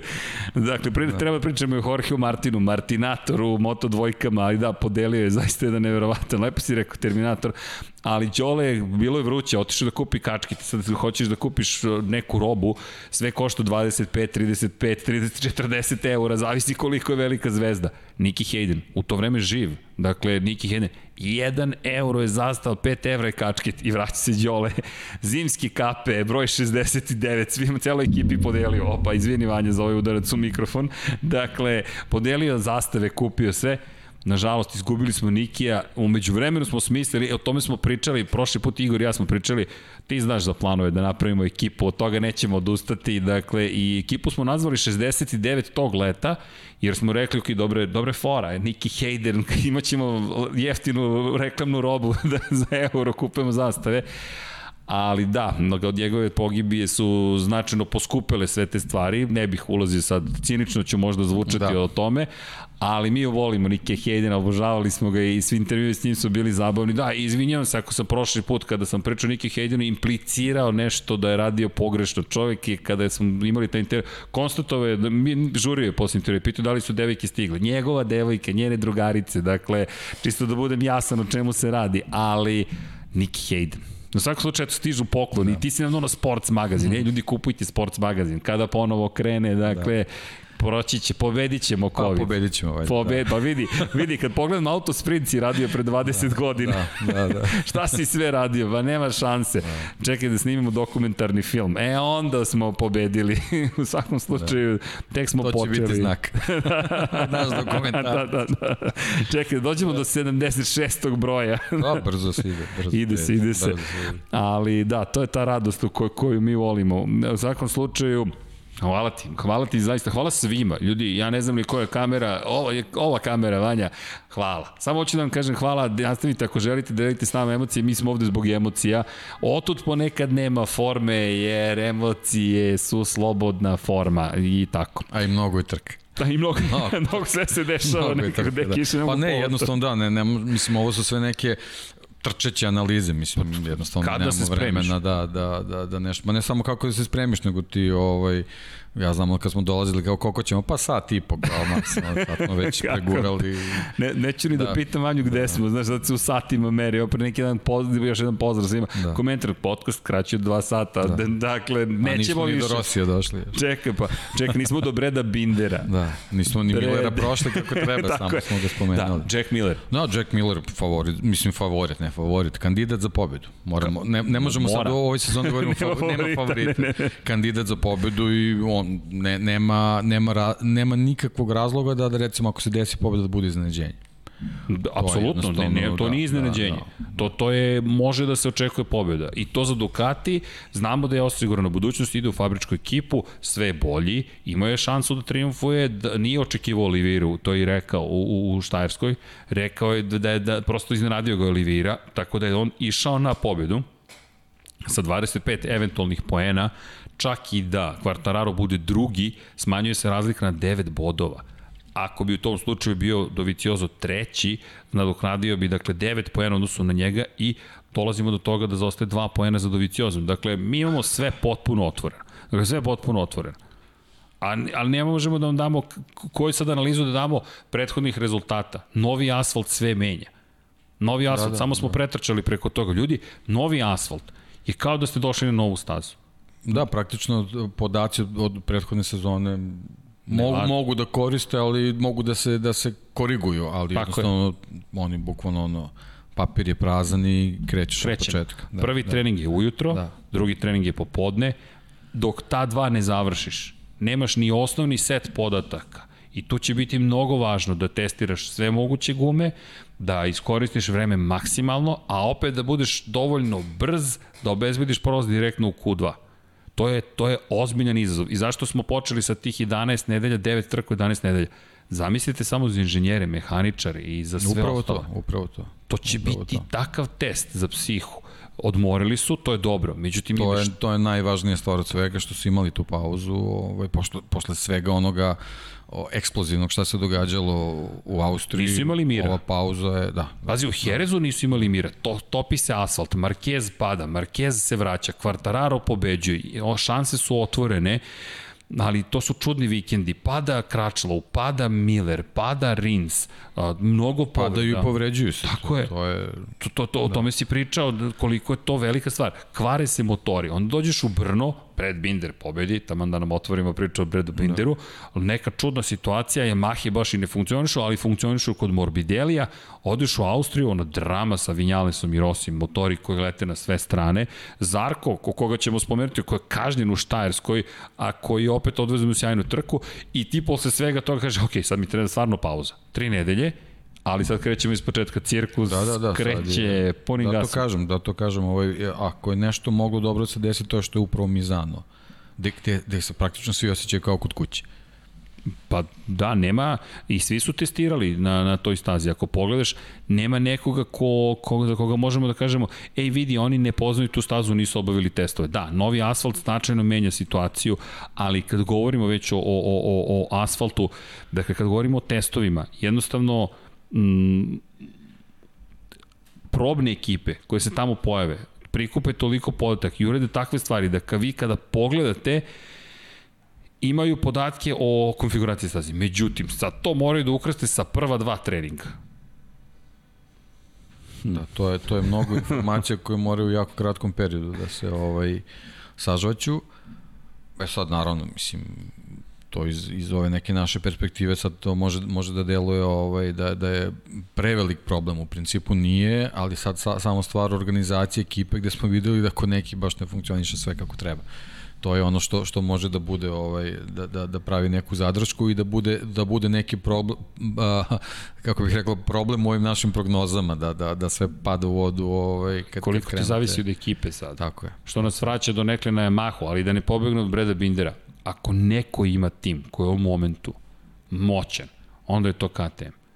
Oni su ljudi spremni da osvoje titul. Spremni su i generalno ovo što smo videli nisu imali neke velike tehničke poteškoće. Znači u principu njihova neosvajanja bodova su se izdešavali zbog nekih padova koji su sami prouzrokovali vozači. Vozači su bili nestrpljivi. Tako je, da. da Čak nisu da, ni greške, to je ono što da. si lepo rekao. Ne bih to nužno nazvao greškama više. Nije, da, da, željom. recimo taj Jerez, onaj start, uh, ovaj, beše Binder i Olivier, jel tako, da, onda smo imali situaciju u, u Austriji, tako da... Opet kontakt tako Olivira, Pole Spargaro. Da, onda kažeš Espargaro u Brnu, mislim, ono, sa, sa, sa Zarkom, to smo već ovaj prošli kako je to kako to sve bilo tako da u principu oni su nekako najstabilniji Da, I, kada, I na krilima da. su tih nekih pobjeda, mislim, da. koje, koje možda uh, uh, za njih, naravno, oni su stremili ka pobedama, ali u neku ruku su i, i neočekivane u, u odnosu uh, na sezonu koja je trebala da bude. Znači, sad ne pričamo o sezoni koju smo dobili, nego koja je trebala da bude. Ne verujem da bi u nekoj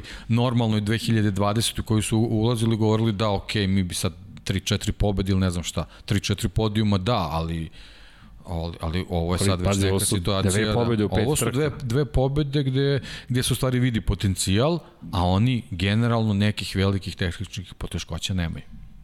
Ja ne vidim zaista slabost da, kod da, njih, da. osim eventualno te preterane želje o kojoj smo pričali, to je bio jedan od komentara gledalaca, potencijalne prevelike želje ili svesti da je ovo ta prilika.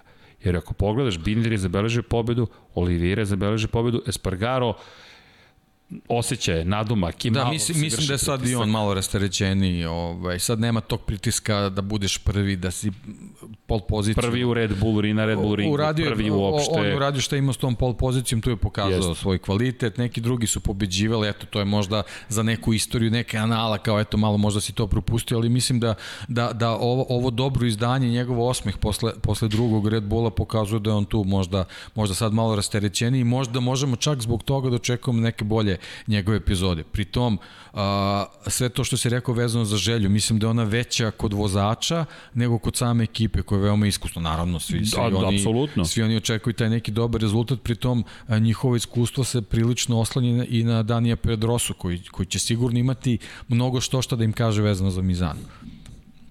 Posebno u ovoj situaciji gde sad treba da, da Pa da, mislim, generalno nismo, e, nismo pričali, vidio sam da ide u nekim komentarima vezano za tvoj podcast, dosta ljudi je spominjalo neke druge test vozače koji nismo ni spominjali. Silvan Gintoli. Tako je, na njega sam posebno mislio, Gintoli. gde se zaista vidi koliko uticaj nekog dobrog iskustvenog vozača znači u pripremi motocikla za sezonu. Svi ti motocikli su super, ali te neke nijanse, ti, ti test Tako vozače je. su ti koji trebaju da prenesu prave, prave informacije. Inače, Silvan Gintol ima predivan YouTube kanal. Yes. Predivan.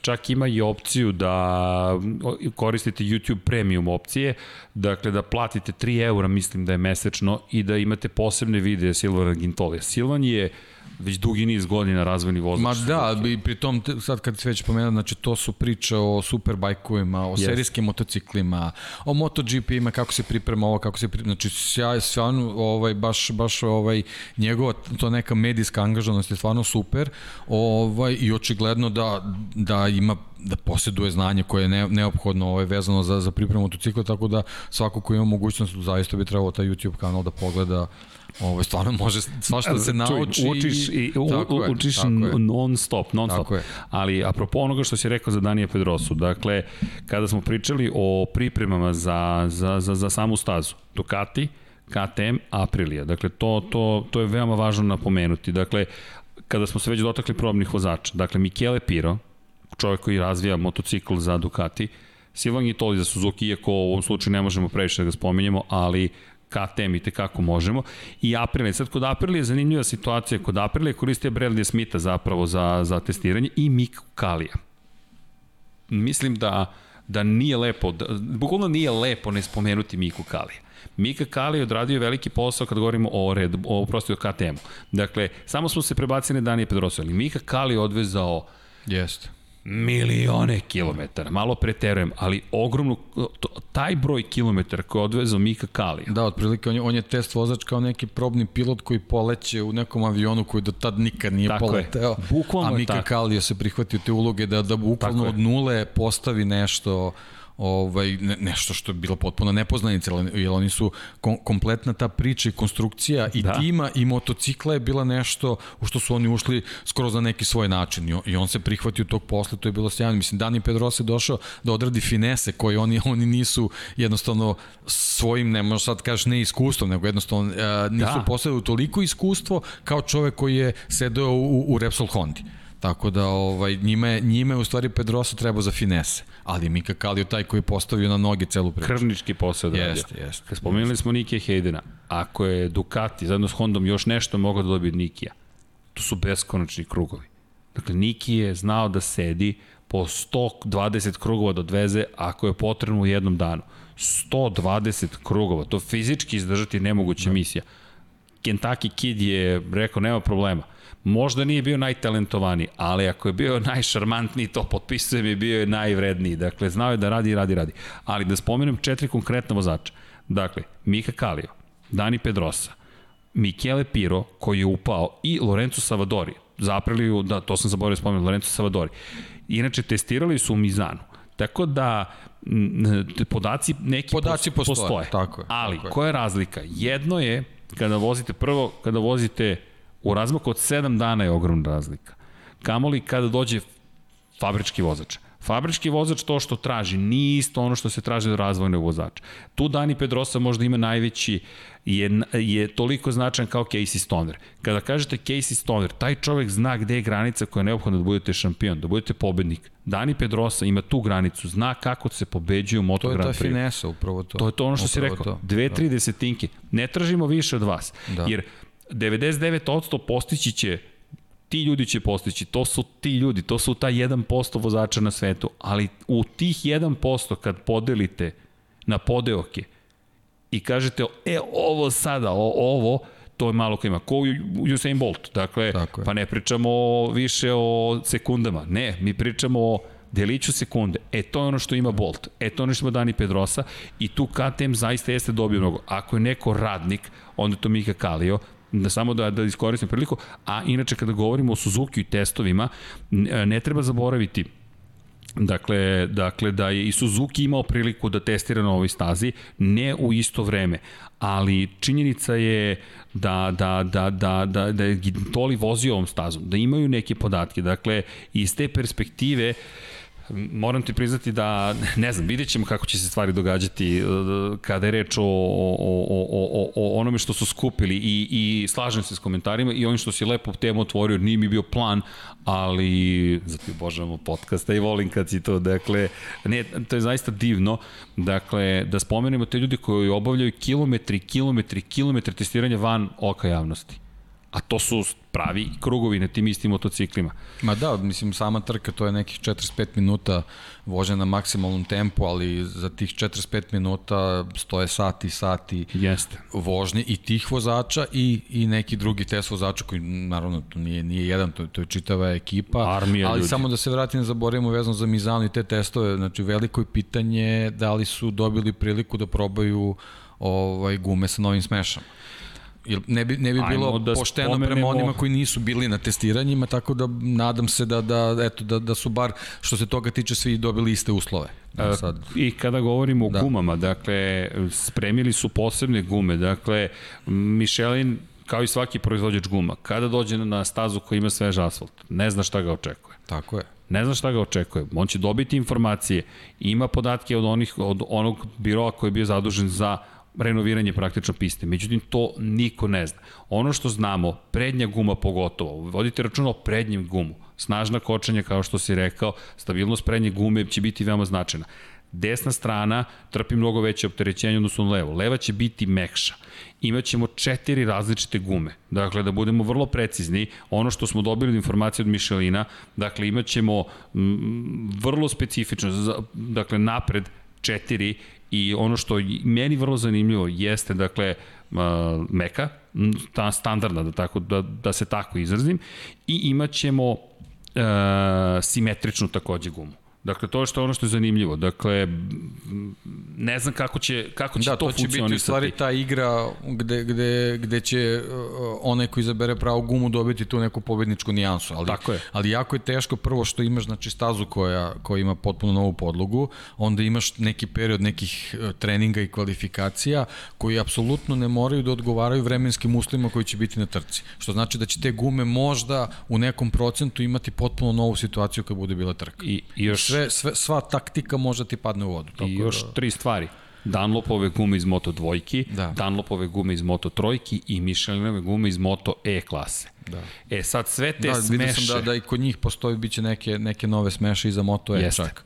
Jeste. Da, da. Tako da sve te smeše kada staviš na jednu stazu koja je nova za sve praktično. Praktično nova, mislim, samo, samo imaš tu neku liniju kruga koju, koju poznaješ, sve ostalo je novo. Ti najbolje znaš, kada sve izdaju timovi Formula 1 kada šalju saopštenja za javnost, pogotovo Mercedes, ima kategoriju koja se zove evolucija staze. Evolucija staze podrazumeva koliko se staza menja, to jest ubrzava tokom jednog trkačkog vikenda, od treninga broj 1 do same trke. Ovde očekujemo značajnu evoluciju staze. I taj prvi trening, drugi trening daće nam mnogo informacija, a onda ide za zabava. Treći trening, bitka za dolazak u Q2, pa četvrti, ko se najbolje sad spremio posle svih ovih sijaseta podataka i ko će najbolje da se spremi onda za kvalifikacije, pa za trku. Ljudi, da, ovo da. postaje ne... I onda, onda trening broj 2 na tom istom, to je trka broj 2 na tom istom mjestu 7 dana kasnije. Tako je. Posle 3 dana si ponovo tu. Čisto ako... Da, to ako, nećeš nigde nići. Ako nam da. nije bilo dovoljno kompleksno, da postane još kompleksnim. I zano će baš biti izazov. I samo da istaknem još jednom, dakle, tri prednje gume su simetrične. Jedna je asimetrična, ta tvrda. I e sad, ko bolje tu ovlada, Dobro, tu će veliku ulogu igrati ogibljenje, izbor, Jeste. izbor te priče, pošto vidimo da, da KTM neki, neki protiv ostatka imaju, da, sveta. Imaju, imaju probleme s tim, tako da vidjet ćemo potrošnje tih guma. Mislim, milion tu faktora ima sad, naravno, to to je ovaj ali nešto što tim prvim treninzima mora se vidi zato mislim da da su jako zanimljivi i svako ko bude priliku ima priliku treba bi da da ih pogleda. Mislim to je da da da uradim malu da, promociju da, sport klub naravno pratite nas ali ovo će biti lud vikend. Formula 1 ko odlazi u Mugello. Velika nagrada Toska da. čekaj. To je velika i tragedija što će se ta trka desiti ovaj, a Ferrari je u takvoj situaciji. Jeste. U kako je, to je baš... Hiljadita trka Ferrari u istoriji. Da. Jubilej koji se eto dešava, da. to je to, da. sada. Da, mislim... To je to. Mo, za Moncu malo je reći da je fijasko, ono je stvarno, ovaj... Bez reči. Bez reči, bez reči. Stvarno. Bez reči. Teško je čak da. i komentarisati, jer to su situacije koje, ne da nikom ne želite, nego odnosno to su situacije koje su, koje su dramatične blago rečeno dramatične. I to su istorijski timovi, bolid, to smo pričali juče, Pavlija se zove SF 1000, Scuderia Ferrari 1000, ideš na 1000, s razlogom je dobijen taj, dat taj naziv i ideš u, na svoju stazu i ne, znaš šta te čeka. Znaš šta te ne, čeka. Ne, o, o, o, cela, cela uh, tehnička situacija sa, sa Fetelovim bolidom, da, da to tako nazovem, je jednostavno neki pokazatelj da je, da je tamo mnogo stvari ne funkcioniše kako treba. Ja sam čak u jednom trenutku pomislio, bože, da li su oni uopšte pripremali za ovu sezonu? Da li su oni mislili da ove sezone neće biti? Jer a, a, a, mnogo stvari koje smo videli deluju ja sam imao prilike svoje vremeno, ovaj, e, radio sam neke intervjue vezano za Formulu 1 i ja sam gostovao u Super Aguriju. Dobro. I sad znamo, ta, ta ekipa je praktično dobila Barovo ovaj, Hondu Dobro. ovaj bolid i mi smo sedeli, ovaj oni su jedini imali onaj klasičan stari motorhome, od nekog su pozajmili, dobili kako već je bilo. I sad uh, sama sama ovaj organizacija intervjua mislim sve sve to super funkcionisalo mislim to je isto ne, neka neki nivo visoke profesionalnosti nego jednostavno odnosno neke druge tu si već video da to ne, ne funkcioniše baš sve kako treba i na tom trenutku krenula neka kiša neki pljusak Ja sam u tom trenutku razgovarao sa Guri Suzuki, ovaj, vlasnikom ekipe i onda je taj motorhome počeo prokišnjao. I meni je sad ova, ova cela situacija u Monci kad sam krenuo da, da, da razlažem, ja sam pomislio, rekao, bože, ovo, ovo, ovo ni, ni super aguri ne bi ovako uradio da se tebi u Monci desi da, da vozaču koji, koji, kojem je a, a, a, a, samopouzdanje ozbiljno poljuljano i, i cela ta priča oko njega da, da se dogodi ono što se dogodilo. Neprihvatljivo. Neprihvatljivo. Ajde, dešavaju se ti, ti, ta, ti, ti ovaj, karamboli sa sistemima za, za kočenje sve, ali, ali ona slika, ono probijanje onih onih stiropora na posle startnog pravca to to je stvarno ovaj Williams u tom momentu napada. Da. Williams, današnji Williams, ne onaj od pre 30 godina. Da, da, da. Današnji upravo Williams to, te napada. Upravo to Williams koji ostaje bez, bez okosnice ekipe. Koji nema poen. Gde, gde uh, Williams koji te napada, a sutra ne zna ko će mu biti tehnički direktor Ne zna ko će biti šef ekipe. Ne, ne zna ko će Ništa. biti šef ekipe, on u tom trenutku bolje funkcioniše od tebe, a, koji imaš automobil za čim upravljačem sedi četvorostruki svetski šampion. To je onako baš situacija koja me onako mnogo mi zasmetala ovaj, i, i prilično sam tužan zbog trke koja nas očekuje, jer, jer sam očekivao da će doći u nekoj mnogo, mnogo bolje atmosferi, naravno, žao mi što nije bilo publike ni tamo što će ovde biti, mislim, publike i bilo je, ali to, to je onako to je jako mali broj, mislim za Italiju znamo to sve, to je ka, kao da nema nikog.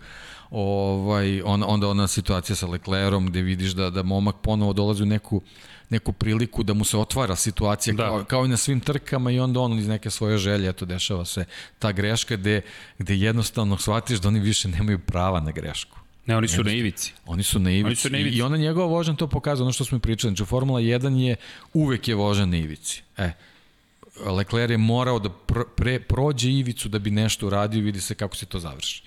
Eto, nažalost... Da, a čeka nas paralelno sa velikom nagradom San Marino i Rimini u motociklizmu. I to je Tako jedan prelep dan. U celoj ovoj čudnoj situaciji i dalje čudna situacija, dakle mi imamo dve trke na italijanskom tlu. Da, u svakom slučaju sve sve to sjajno, sve super, nažalost moglo je da bude još bolje, mnogo bolja atmosfera. Ali to, to, ali... To htio da, da, da kažem, dakle ti imaš te predivne trke, imaš jednu dramu s jedne strane, Toskana nikada nije bila, imala svoju veliku nagradu. Prvo u istoriji. Ideš u Mugello, prvi put da. u istoriji. Sve je toliko savršeno. To je jedna od najlepših staza.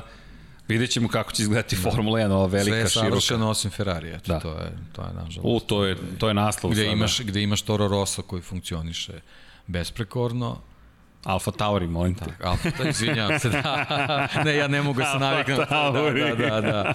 Da, ostao sam, da, da, ostao da, da, sam da. šufetelovo vreme. Da, ali zato u Mizanu ovaj, imali neko Alfa ko nije... Alfa Tauri, fashion. Da, tačka fashion, to stalno pričamo šta, ali meni je veći da. utisak da je to crveni džin. Da. Meni je mnogo to, meni je ta simbolika koju su oni izvukli fenomenalno. To je sažvežđe bika, Red Bull, crveni bik, i ti nađeš Alfa Tauri, u tom sazvežđu koji je crveni džin, dakle crveni bik u okviru bika. Meni to fantastično. Dakle, svakim čas kogod da je smislio, sad ne ulazimo u modu, ljudi, što veze, god hoćete, ali, to je, ovaj, ali Mislim, eto. generalno, ovaj, Uh, nešto sam i o tome razmišljao u ovo poslednje vreme, ovaj, mi imamo te neke energetska pića koja, koja su isplivala kao sponzori u automotosportu i generalno zaista da njih nije, ja ne znam kako bi to sve funkcionišlo. Kao, kao nekim prošlim vremenima kad smo imali duvansku industriju to to. Koje, koja je držala sve, mislim, svi, svi najbolji vozači ne bi možda ni dobili prilike da se takmiče na nekom vrhunskom nivou da nije bilo sponzorstava na, na taj način, onda smo imali imali smo na jedan break kad je kad je ta automobilska industrija zbog tih nekih zakona o, o industrija cigareta zbog zbog tih nekih zakona morala da se povuče, probali su ovaj IT sektor je probao ovaj da da uđe u celu priču, naravno teško je to teško. pratiti, ogromne Kompak, su, ogromne su, da, da, ogromne su cifre u Formuli 1, ovaj i generalno to nekom vrhunskom automotosportu zaista je teško to pratiti i eto, kažem da, da nije te, te industrije tih ovaj, energetske piće, ja ne znam stvarno ovaj, na kom bismo nivou imali automotosport danas. Mislim, veli, veliki, veliki pa, deo budžeta, evo baš pre neki dan su saopštili iz Mercedesa, oni su za 2019. godinu 440 miliona evra potrošili. Znaš, to lepo, je, lepo je, budžet. Zato što da, to je sad po ne smem da da ulazim u to pošto baš ne razumemo te te te stvari vezane za za za poreze i, i financije. U svakom slučaju sad je sad je trenutak godine kad oni saopštavaju neke rezultate iz prethodnih i e, o, ovaj 2019 je zaključena i A da, cifra zavis... je cifra da. impozantna. Prevoz. Impozantna, ako da. pogledaš Petronas im je jedan od najvećih sponzora, ali to ono što si rekao, Petronas će da ukine budžet u Formulu 1, prebacit će ga možda u Moto Grand da. Prix. Pa ne, evo ono što se pričalo ova godina, eto, uh, uh, oni su iskoristili to što nije bilo velike nagrade, uh, Malezije, gde su takođe naravno veliki sponzori zato što jedno se radi na promociji zemlje. Uh, Ovaj, I to je isto jedna tema, ovaj, kako, kako se koriste automotosport za promociju zemlje, ovaj, možda će to, to neko, neko i da nauči nešto od toga, a možda i neće, nije ni bitno, ali u svakom slučaju Malezija, ovaj, eto, oni su odvojili, te, verovatno su ti, ti budžeti bili formirani s obzirom da to nije ovaj, prošlo, Yamaha, to jest Petronas je dobio verovatno neke malo, malo odrešenije ruke od, od same države, evo, mi, mi rezultate vidimo, tako da vidjet ćemo kako će to, to u godinama koji slede, ali mislim da, da su ovi rezultati, još posebno ako se Valentino Rossi tu pojavi, to je sad možda isto neka priča zašto ne Doviciozo, a zašto da Valentino Rossi u Petronas Yamahi, to, je, pa, to su stvari koje tu neke, neke detalje vezane za, za cifre u ugovorima, kad se stave na tast ti vozači, pa čekaj, deki, on je taj koji aj, pravi razliku. Ajde da. ovako, da. dakle, imaš mogućnost izbora između Valentina Rosija, Andreja Dovicioza. Evo, ja, ja ću dati moj, moj viđenje stvari. Valentino Rossi je da je to struki svetski šampion, je legenda ovog sporta. Kraj. Tačka. Dakle, šta ga je učinilo legendom? Sve što je učinio. 115 pobjeda, 9 titula i ne samo to. Ja ne mogu da kupim tu harizmu koju ima Valentino Rossi. Tako je. Ne postoji imidž, niko da, drugi. Taj imidž je neprocenjiv. Tako je. To što to je između njega i Marka Markeza postoji ozbiljan, ozbiljna dva sveta, pa i njihovih navijača generalno, kao da smo Dobro, drugi su generacije futbolu. u principu. I, i generacijski jaz, i, i ne ulazimo to ko je bolje, to je nemoguće misije, to, to, to je sad pitanje. Ma ne, to je... posebno kad, kad postoji generacijski jaz, ja u stvarno uopšte ne, ne volim da ulazim u te priče kao ko je bolji. Veličanstveni su jedan tako i drugi. Je, tako je. Ali sad kada Znaš, pričamo... Kao, kao izvini, sad ti kao kad bi Mika Duana ubacio celu priču ko je, ko je bolji, bolji, mislim on je čovjek koji pomerio jednu granicu, pričali Jest. smo prošle put o tome. Znači on je jednostavno njegov, njegov uh, uticaj na, na, na MotoGP je nemerljiv. I sad ne može Mik Duan da se, da se meri sa nekima, nekim vozačima koji voze nekoliko decenija posle njega. To je, to je jako, jako teško. Ili, ili Giacomo Agostini. I, I njegov stil i vreme. Da, to je bila jedna je. izjava da zapravo ne možemo porediti Giacomo Agostini da to nisu bile dovoljno profesionalne trke. Hm ne bih to tako posmatrao. Svako vreme ima svoje heroje. U to vreme to je bio maksimum. To je tako, bio taj domet I sa svakom trkom oni su učili i razvijali se. A I on je bio taj koji je, koji je bio pretača svega i koji je postavljao te neke nove standarde. I ako stavljamo na tas koliko je priprema bilo potrebno za jedan šampionata, za drugi, koliko je bilo opasnije tada. Isle of generalno Man, sve, u sve, se vozio tada u Evo, skoro smo, ko, skoro smo imali ponovo taj neki, ne, neko obeležavanje te godišnjice trke oko Kalemegdana, E da, to sam zaboravio da spomenem, je, to je mi, trebalo, mi se, baš je bio mislim, tog ja, ja se svake godine toga, toga setim i to je, mislim, e, žalosno je da i u ovoj zemlji mi se sećamo i dalje nečega što je bilo...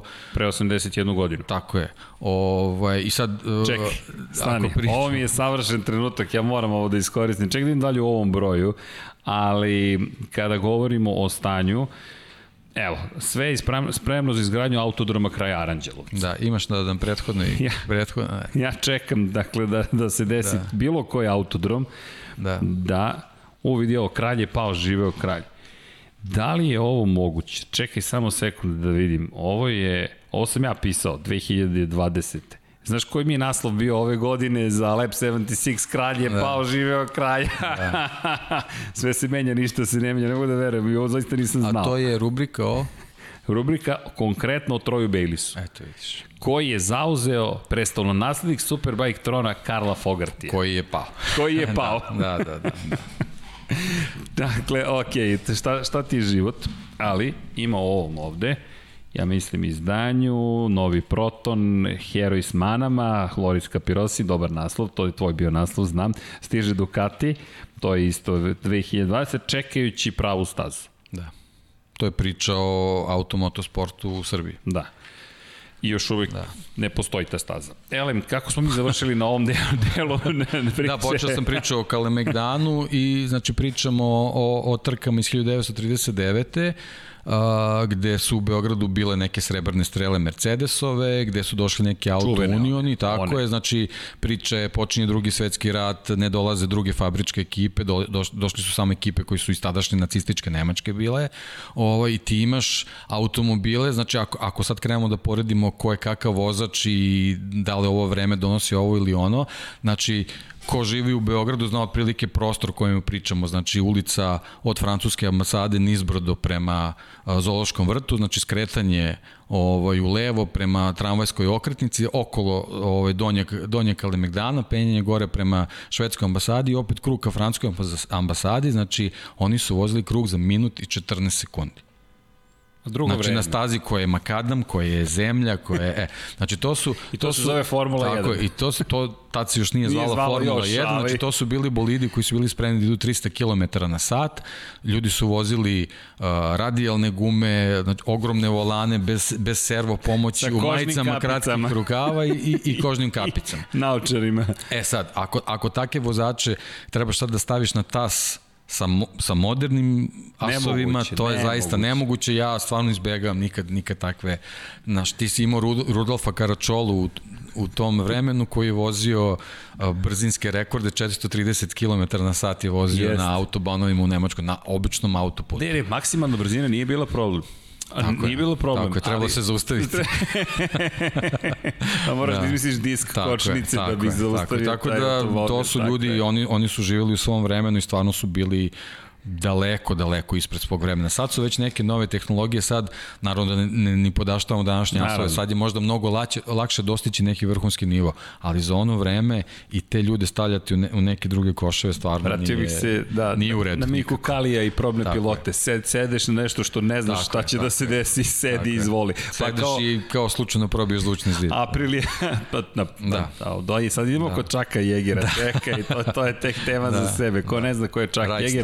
Pogleda. Da, saznajte, ali da. evo, ukratko probio zvuč, prvi čovjek koji je probio zvučni zid. Navodno. Na, Možda i da, nije. Da, Tako da. Čekaj, neki gde da, sad da, ne, tamo. nećemo da idemo, da. Ne, ne, ne. Da Vraćamo se mi u Mizanu. Da, u Mizanu, čekaj, sad je. probio je zvučni zid, bi, da. nisu znali šta je eksplozija, ali dobro, puno ih je probilo zvučni zid umeđu vremenu. Dakle, to je sad postalo uobičajeno gotovo ali tada tako nije bilo tako, jednostavno. Tada nije e, bilo. Tako ta da. priča o istoriji. Znači, kad, kad se upišeš u analiz nekog razloga, ono, zna se zašto je to tako i... Je. Dobro. nema diskusije. Ćemo mi da upišemo Breda Bindera u anale. Četvrti da. u šampionatu, će biti šampion ove godine. Ovde odmahuju sve neverne tome. Da, dobro, ti si prognozirao. ovaj, on je pokazao da ima potencijal. Ja, ja ima, ima motocikl KTM. koji ima potencijal, tako da... Pazi, ovaj test da. koji su obavili, ja mislim da je velika stvar. Zaista mislim da KTM-u može mnogo da pomogne. Aprili takođe, Ducatiju takođe. I ranih godina ko testira na određenoj stazi i potom dođe na tu stazu ima zaista ogromnu prednost. Neću to pocenjivati. E, kada go poredi, kada ostale fabrike budu izašle na stazu, mislim da će biti u problemima. Inače, znaš ko je jedini pobednik u istoriji? Spremao sam se prosto za, u, u Mizanu. Dakle, kada govorimo u Mizanu, da li znaš ko je jedini ko uspe da pobedi na, na, na ovoj stazi za Suzuki? U kraljevskoj kategoriji. Samo jedan pobednik. Čak i kad se vratiš zapravo u ovoj velikoj nagradi. Zapravo ne, pogrešio bih. Mizano, niko nikada na Suzuki nije pobedio. Jedini koji je pobedio na velikoj nagradi San Marino i Rimin je bio u Imoli. Vazi, u Imoli Marko Lukinelli. Da, da, da. Znači, u Imoli Marko Lukinelli. Tako da Suzuki... Sad Suzuki znači ima veliki motiv da, da pokaže stvari gde je. Ali Aj, samo da se vratim na KTM, to što si rekao, ovaj, oni sad ni slučajno ne mogu da se opuste. Znači oni su sad došli, ispunili su neki cilj, ali njima je sad jako Sledeći važno, cilj. tako njima je jako važno sad održati postojeći tempo, Ovo, tako da, da ne verujem da je do ekipi sad la, lakše nego pre mesec ja, dana ili ne. pre dva meseca. Ja mislim da je samo drugi cilj. I ja mislim da kod njih je sada, ovo je štikler. Pa sad je važno ostati konstantno na vrhu. Tako je. To, to je po meni sledeći korak. Znači, Došli znači nije sad smo, neophodno pobediti ponovo. Ali jednostavno moraju da budu tu. Tako, pobedničko tako postolje stalno da bude KTM na pobedničkom je. postolju. I onda čekaš da vidiš da li si u prilici da ideš tako ka je. pobedama to jest ka onome što je jedan od ciljeva, to je titula. Ja, Tako oni je. neće se zadovoljiti samo jednom titulom ukoliko ili kada je osvoje, Tako želeći ih još. Jer KTM, to ono što smo pričali, zašto smo se obradovali dolasku KTM-a, kao i Ducatija u MotoGP. Tad smo pričali, na, jedan od naslova je, jedan od naslova, ali to mi je smešno, dakle uzeli smo da čitamo, nisam ni znao da ćeš ih doneti. 2002. da. Jeste, 2002. I pričamo o, o, o Ducatiju i pitanje je, dolazi Ducati, i šta stiže 2003. kada govorimo o Ducatiju, um, završna, završna reč. Dakle, šta bi moglo da bude problem za Ducati? Buka koju su stvorili i kaže ovako, dakle, pre nego što je uopšte, dakle, izbor začinu Ducati, i te Ducati pre nego što je uopšte ušao u takmičenje, već ima kao obavezu pobedu u prvih nekoliko trka. Loris Capirosi, o kojem smo pričali u drugom broju, heroj s manama je ostvario pobedu 2003. u Kataloniji, na velikoj nagradi Katalonije, to jest u Barceloni, I, kaže, to je pritisak koji bi mogao da slomi i najjače, a već se više puta događalo da uprko svemu ekipa Honda skrši pretendente na njen presnost takvom žestinom da iza ostanu samo tragovi velikih najava. kako zvuči poznato. Pazi, kako, da. da, kako zvuči poznato. Kako su 18 godina ponavljala priče, da. Pazi, ovo je 2002. I da. ti sad, mi sad pričamo o KTM-u koji je ušao da pobedi Hondu da. između da. ostalih. Da, pritom, upravo iz ovoga što si pročito, KTM nije imao toliki pritisak kao Ducati koji je došao ne. sa ogromnom reputacijom da, i Superbajka. Da, da. Pominjali smo i Fogertija i, i, i, i Troja Bailisa. Ovo, znači, to su prvo vozače koji su imali reputaciju. Znači, Bailis je došao kao neki veliki Superbike šampion. Jeste. A, ono, a bukvalno momentalno moraš da isporučiš to isto. Hoćemo pobedu. A, ono što smo pričali, Ducati vidiš da ima tu neku svoju posebnu filozofiju vezanu za, za management.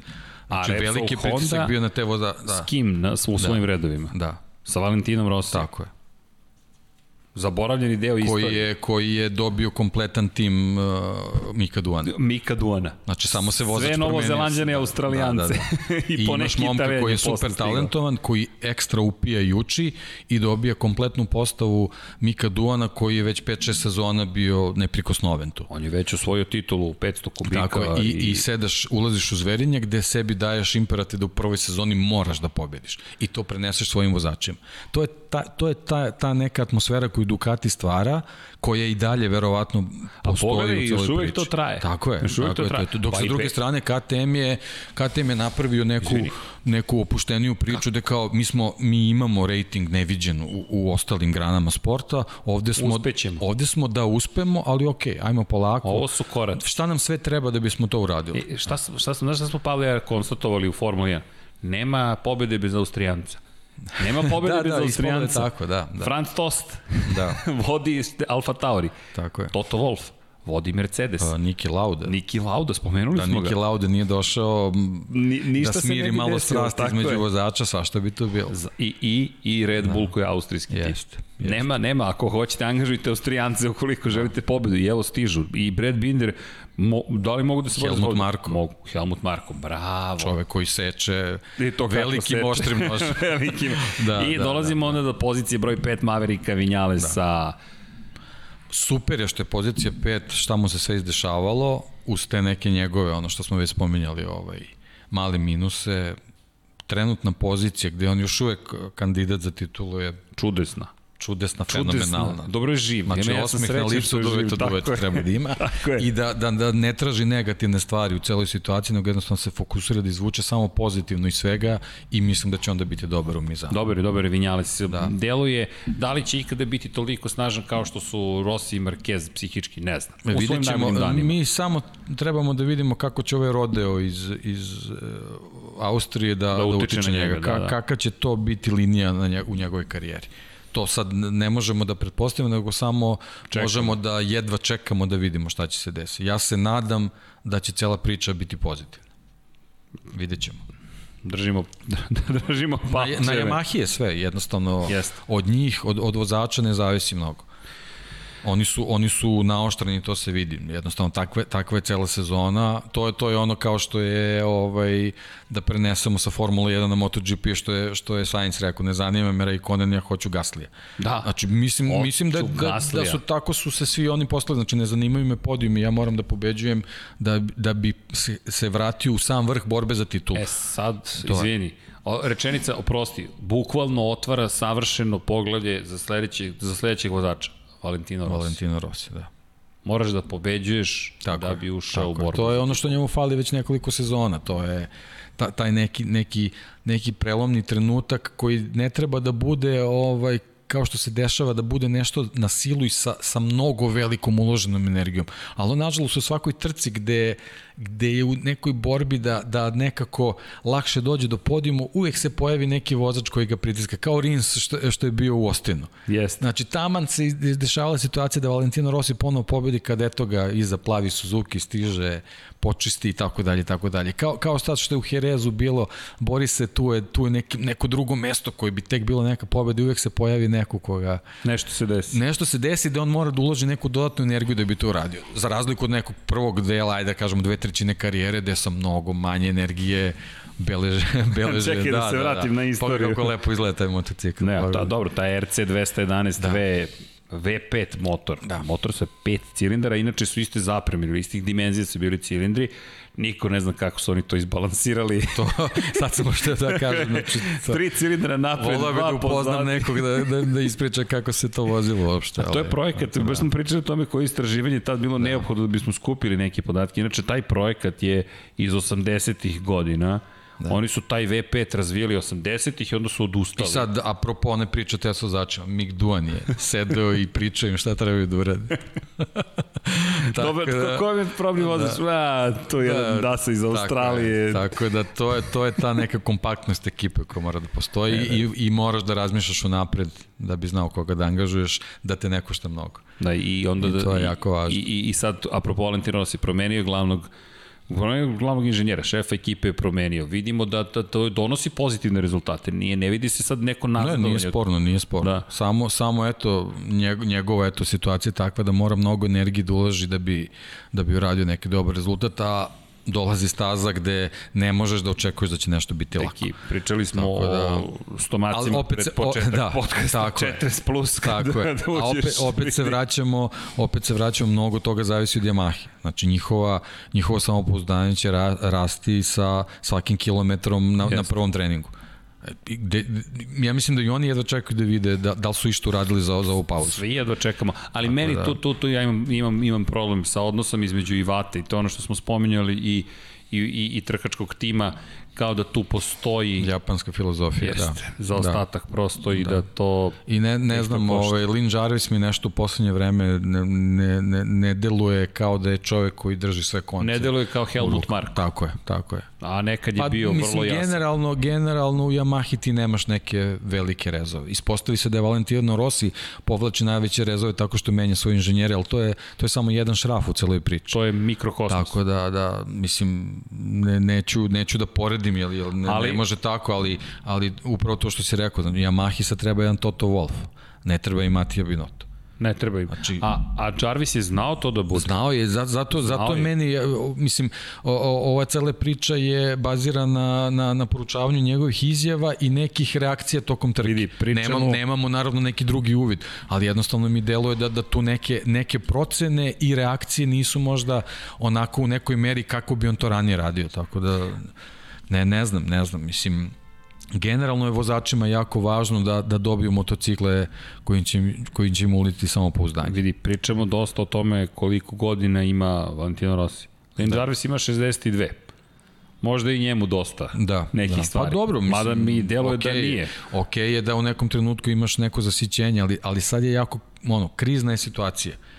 I sad, uh, management mora da, da, da povuče uh, jako hmm. veliku stvar, ili vozači moraju da se koncentrišu na stazu. Ali nemamo tog čoveka, zato je ne, ne možeš, ne možeš u Yamahi da očekuješ da Valentino Rossi bude i vozač i menadžer. Ali, da, up, eto ono što si pričao. To to je to. Malo previše se baviš to nečim to, to i... To. On, će, on će tu ulogu, možda je spreman za nju, recimo Petronas Yamahi, da malo povuči na, i na tu stranu upravljanja. Ali mislim izvini da se ja će tu njima trebati. Da, ali mislim da se tu pla, da se toga plaše Razali da, zapravo da, i, i da. ekipa da. da kad ti dođe jedna tako jaka to, ličnost. To ne mogu da izbegnu nikako. To, to ti menja. Pa čuj da uđe u studiju i da kaže nisi se nikad bavio TV-om, ali momci biće ovako. Oni samo kad se samo kad se okay. susretnu sa njegovim PR ekipom Čekaj. E, pazi, to je, pa, to je najniži nivo o kojem ja, pričamo. To su ti to šampioni, kad pričaš o Duanu. E, imali smo super susret u Evo, ja sad mislim isto ovom prilikom, naravno, ovaj, imamo puno prijatelja zajedničkih u Monsteru koji nam mnogo pomažu u realizaciji naših novinarskih aktivnosti i svega toga. Ti kad se spremaš za, za intervju sa Valentinom Rosim, ti dva meseca napred šalješ pitanja da bi oni to pročistili i proverili dalje, dalje sve. Da li okay. će prihvatiti ta pitanja Tako ne? Tako je. Mislim, dobro, glavno, naravno, to se prihvati sve, ali jednostavno to su stvari koje se proveravaju. Petronas Yamaha, da li se do sad susretala s takvim situacijama?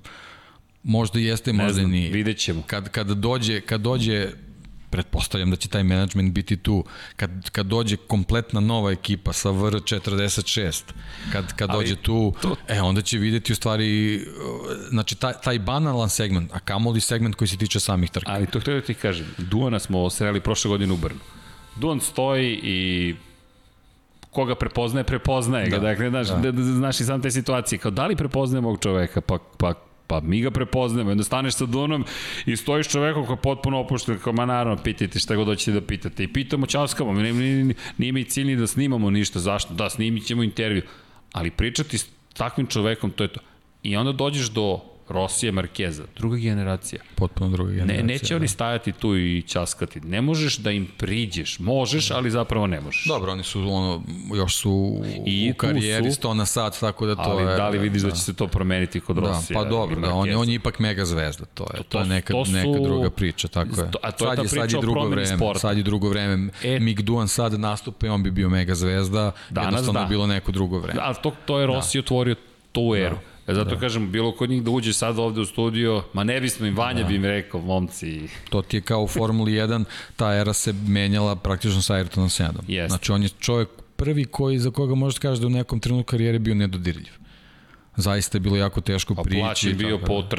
Pa Nije da. čak ni imao Da. godišnji ugovor, Da. nego je McLaren od 2 milijon dolara. Bilo je pre njega mnogo super zvezda stvarno u, u, u tom sportu, ali nekako bilo drugačije vreme, oni su parkirali kola na, na parkinzima da ostali parkiraju, pa si mogao da ga, da ga vrebaš dok utovaruje torbe u, u prtljažnik. Toga e, više to nema. sa, koda, sa Ayrtonom se jednom se već, već promenilo. Znači, ta, znači taj, e, Jasno, to jasno. samo htjeli da kažem, znači taj neki banalan segment s kojim smo mi upoznati pa znamo, a kamoli kad dođu na red oni drugi ozbiljni, A ozbiljni ja sam segmenti. htio da kažem da imaš majicu Fast Freddy, da imaš majicu koja govori u prilog onome što smo imali, da. dakle, pre par nedelja kada smo se družili. Rana dakle, neprebolna. Da, da, da, neprebolna da. rana, dakle, vratit ćemo se na Fast Freddy, da, posla smo mi Vejna Gardnera na da, Da, da, 250 da, da. kubika, ali... Fast Freddy, da se razumemo. Dakle, to je to, to nam je teško palo. Jeste, Ne- jeste. Ali, naravno, Dobro, da, deša se, šalimo deša se, se, naravno. naravno, ovaj. Ali, dobra majica. Da. Fast Freddy, Freddy Spencer. Jeste. Pričali smo o tome, legenda ovog sporta. Jeste, koje to, on, je, on je probao neke stvari koje, uh, on je probao neke stvari iz prošlosti koje već nisu mogle se uklopu u je. vreme u kojem je on. Jedva je pregurao posle Tako toga. je, tako je. Jedva je pregurao. Tako da mislim da je njegovo iskustvo doprinalo da, da Mick Duan uradi one svoje pripreme čuvene fizičke koje je radio. Jeste. Ovo, tako da, eto, to, to su ti neke stvari, svak, svako od tih nekih asova iz prošlosti utiče na neki razvoj sporta i tako dođemo danas do, do, do ovog vremena, mislim, eto, gde, gde su te neke operacije njima potpuno rutinske. Da, da. Čuje operacije, uživo nam prenose operacije. Dakle, došli smo do tog stadijuma. Možemo, Dok- možemo da nazovemo mali servis. Čekaj, još nismo kome... Da, da, da, kariki Da. malo. Pa da, kao eto, malo, malo tu da te mišiće malo dotegnemo, ovaj treba će... Pazi, još još- nisam komentarisao operaciju, eto taman, dakle, da. i sada doktor, šta da. god, ne znam šta radi, moram bi da naučim, naravno, ali da, Valentino Rossi, to je, to je najveći problem, dakle, da li može do pobede? Da li može do pobede? I dalje ne vidim da, mislim da je sada ušao u eru još novije generacije. Još, ne mogu da kažem brže, ali generacije koja nije doživela to što je on doživeo. Ono što si rekao, prva trećina, polovina, kako god hoćemo njegove karijere, je obeležena ne, ne, neverovatnim uspesima. Sada to je neki, neki drugi vozač. I on se promenio. Koliko god da je velik, očekujem eventualnu bitku za plasman na pobedničku postoju. Ko zna, možda s novom kacigom koju će prezentovati, da. Aldo Drudi se već šali na društvenim mrežama. Znaš, znaš šta ja mislim da će, da će uraditi? Da će nositi kacigu Landa Norrisa da će imati, ja, dakle imam utisak kao da će kombinaciju Norisove kacige, koju je Noris prošle godine nosio u Monci, u čast Valentina Rosija, da će nešto slično Rossi da izvede ovoga puta. To bi bilo simpatično. Ne, nemam pojma da. zašto, Lando Norris je klinac, ne mogu da ga poredim sa Valentinom Rossijem iz te perspektive, ali nešto mi Dobro, ono što je Lando Drudi... Norris, Lando Norris, ako, ako je Valentino Rossiju nešto tako potrebno sad, ja stvarno ne znam, on je, eto, neki mali mostić prema novim generacijama. Možda. Jel, Da, da, da. sa, sa Šešerićem, Landa Norris, neki klinci koji možda i ne znaju ko je Valentino Rossi. Znači, već, već smo došli do Došli toga. smo do- do- došli, smo do, smo do toga. toga. Eto, možda, možda je Landa Norris pomogao da, da, da neka dečica malo izgoogluju da vide kakav on to Šeširić nosi i da dođu do čoveka i, i pročitaju neke podatke i evo ono što smo mi čitali je vezano za hiljaditu trku prošli put, samo to da pročitaju i sve je u redu. Ali, ali upravo to što si rekao, Valentino Rossi ima te, te neke svoje faze u karijeri, znači neki početak, kažemo neka prva trećina, onako ovako ugrubo, ovaj, on je bio čovjek koji je donao neki novi stil koji jednostavno drugi nisu mogli da prate onda se, onda se u drugoj trećini već su počeli da ga stižu, da bi on u tom trenutku promenio stil, sećaš se on kad je krenuo da, da vozi, vozači su kočili, niko nije spuštao nogu sa... On je prvi sa, izbacio nogu. Nije prvi, mislim da je Simon Krejfar prvi izbacio. To mi je nešto mm, u glavi. To, ja to bi imam... morao da proverim. Nisam siguran da, je, da li je on ili McCoy. To moramo da proverimo, evo sad nemojte ove da nas držite evo, ovaj, ovak, za reč. Jerry McCoy je kralj slajdovanja. Da, dakle, da. Casey Stoner u krivini broj 3, posle nazvan u Stoner u Australiji, šta je radio na Ducati, to je nestvarno. Dakle, to ide, Tako motor je ovde, otprilike Stoner ide tamo negde, otprilike rrr, i ta samo prokliza. Ta kontrola gasa, da vi znate koliko je potrebno da proklizava zadnji točak, a da vi imate kontrolu, pa tom, ta krivina ne može drugačije da se zove, ali Gary McCoy. Da. Samo potražite snimke da, Gary onda McCoy. moguće da je on. Meni je Simon Crafar nešto u glavi, ali on je suviše, uh, suviše blizu ovog vremena, tako da moguće da je McCoy taj koji je Čekaj. pustio nožicu i onda je Rossi to vidio i rekao, aha, super, pa je vreme da otvorim neki ranč i tako je to sve E, čekaj, krenulo. evo ti ga googli, mi smo u nekom Eto, novom, pa da, novom eto, vremenu. da, Kaže, da, da, istorija da. MotoGP leg dengla. Chris Martin je napisao 2016. Dakle, obilaženje u poslednjoj kreni 2005. stvorilo novu tehniku. Rossi kad je napao Sete Gibernala. Dobro, to je možda Ali- zabeleženo, ali ja mislim, ali- ja mislim Ja sam ja mislim to da ćemo da vratimo, neki- da mislim da je ovo da istraživanje je, da je sada, postao, pravi da je novinarski postao neki kadar u nekom prenosu da sam ja video i zaprapastio se zašto sam očekio da će čovjek da padne s motocikla. Dobro, Gary Mc, Ovaj, pazi, Gary McCoy, short listi, dakle, ko je lista? Gary McCoy i Simon Crafer. Da, ali Krejfar, kažem, nešto mi je to mnogo, ovaj, mnogo je to ovaj, blizu sadašnjeg vremena. Znači, da, McCoy mi je... Gary McCoy, ako je neko znao da, da, da, da proklizava, to je bio Gary mislim da je, da je u, u tom nekom, nekoj svojoj evoluciji tog proklizavanja, mislim da je u jednom trenutku noga se išla zbog balansa i da je, da je, da je tako sve krenulo. Čekaj, Gary McCoy ima 48 godina. Da. Tek. Tek. Tek. Da, da, da. Tek, ali Gary McCoy Kako ljudi, beše, to je bio legenda. Donington 2000 Da, Jel tako? ne, da, da, Gary McCoy. Da, da, da, da. da To je da. bila- To je bio Australijanac, da. inače. Čovjek koji je u 125 kubika isto sjajno vozio i onda skočio na 500 kubika. Da. I tu skočio vrlo ozbiljno šta je sve vozio. I ja, ja mislim da je, da je, ali moram da proverim za, za, za, za tačno 2000-ta, ne, Donington 2000-te Rosijeva prva pobeda, Pa ja mislim da li to bila trka kad su se ovaj a tad su se Ne, nije, ne, ne, upravo si, tu je ne, Mac to je Williams. pobeda prva, da je Jeremy McWilliams, Jeremy, McWilliams, je tako bio je, tako i bio je. je Kenny Roberts je Ali Gary je te godine borbi, imao tako? nekoliko pobeda. Njih troje su se borili, da, da, da, ali McCoy ne, ne, McCoy je imao ne, neko, ne. McCoy je otvorio sezonu Da, pobedom. jel tako bilo? Tako je, otvorio je sezonu pobedom Gary McCoy, ali McCoy, McWilliams, verovatno sam Jeste, jeste, toga. McWilliams. znam da je on bio u toj priči. Jeremy da. McWilliams čuveni, da, pokušavao je, ali nije uspeo. Da, nažalost, da. Da, da, da, mada bi to bilo interesantno to, mada dobro, Rosiju jedna pobjeda više manje, Pa ali dobro, mislim, McWilliamsu... kako god, ko god da je pobedio, bilo bi spektakularno, pamtilo bi se tako. E vidi, znam da. sam konosti, radili smo sad da. ovdje tokom COVID-19, smo radili stare trke, E da, to komentarisali. bravo, to je sjajno, to, to je super. Ja kad god stignem da, da, da uhvatim, da pogledam, znam da, da me zadrži, odgledam celu trku svaki Ali to, to je ne, To ne, je nemoguće super, misije, super, da, to, super. to je bilo baš čast, to smo pokušavali Jeste. par godina, sad u ovoj nesrećnoj situaciji se otvorila neka prilika, jedno smo rekli da, hoćemo to da. I priprema, pošto su mi mnogi pitali kako, kako se spremaš za to.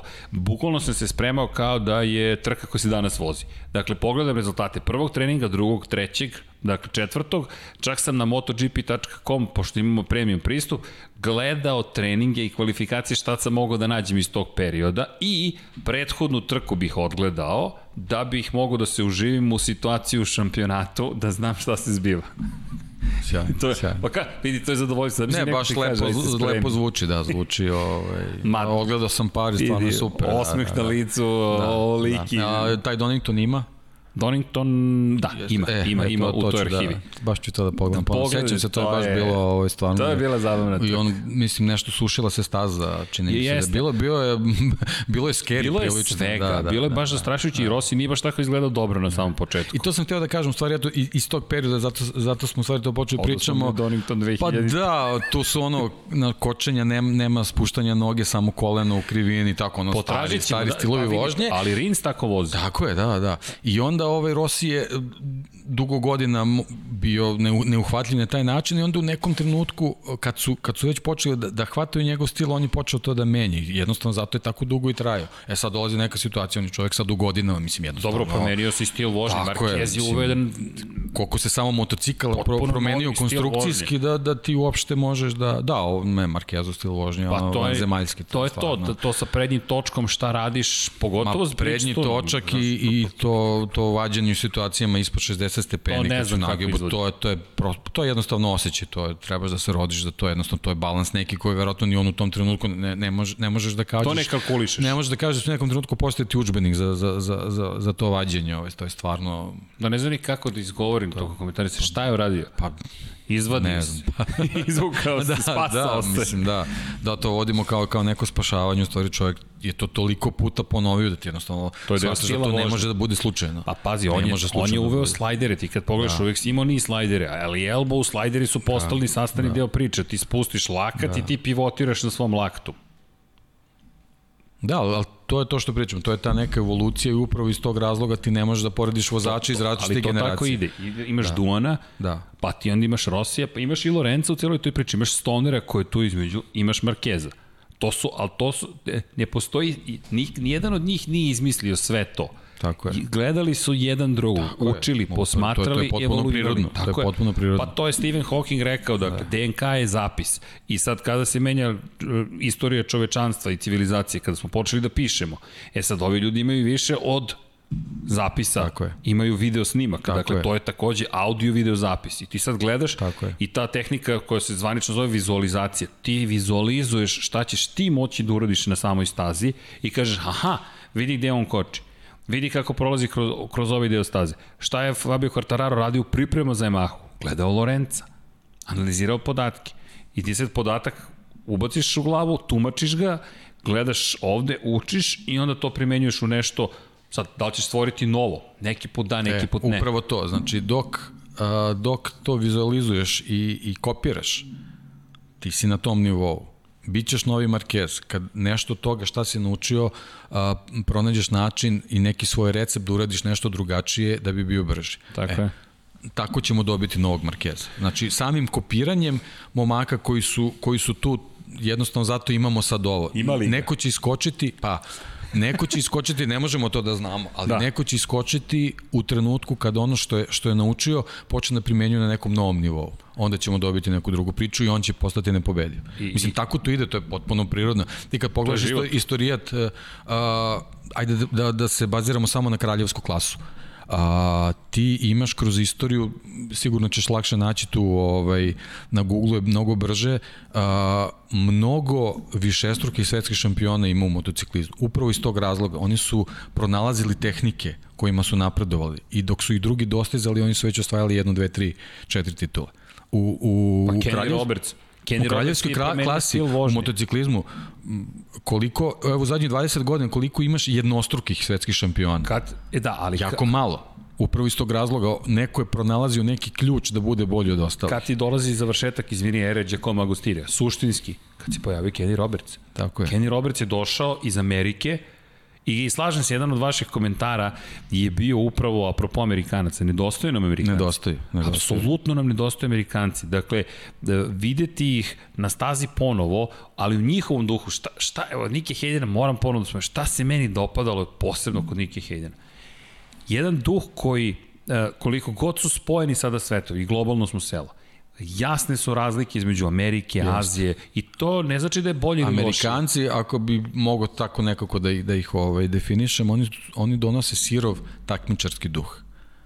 Ovde, Vrlo, ovde, da. ovde ipak malo sve nekako korporativno sintetički vezano za Evropu zato što su vozači od mladosti tako tako naučili da se ponašaju oni oni imaju nešto kao kao kao njihovi atmosferski motori na na na automobilskim trkama znači to Jest. je taj neki NASCAR to to je nešto, Čekaj, to je... ko to je, kupuje 5.8 motor V8? To je ta neka Amerika i onda ti, ti motociklisti Neko. donesu taj duh Jest. u ovaj, u ovaj neki svet i zato, zato ih je možda, zato je recimo i Ben Spies mnogo brzo progutan, on, on je jednostavno isto vozač koji, koji funkcioniše na, tako, na, na taj način, s druge strane imao si uh, mlađeg Robertsa, koji je bio, koji funkcioniše na neki način kao što je Doviciozo funkcioniše. Znači, polako skupljam i na kraju sam neko ko je prvi prešao cilj.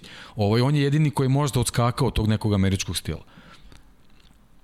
Imali smo da. toga, eto, to, pomenuli smo ovaj Freddy Spencer koji je čovjek bilo hoću sad, hoću sve, hoću sve i u 100 kategorije.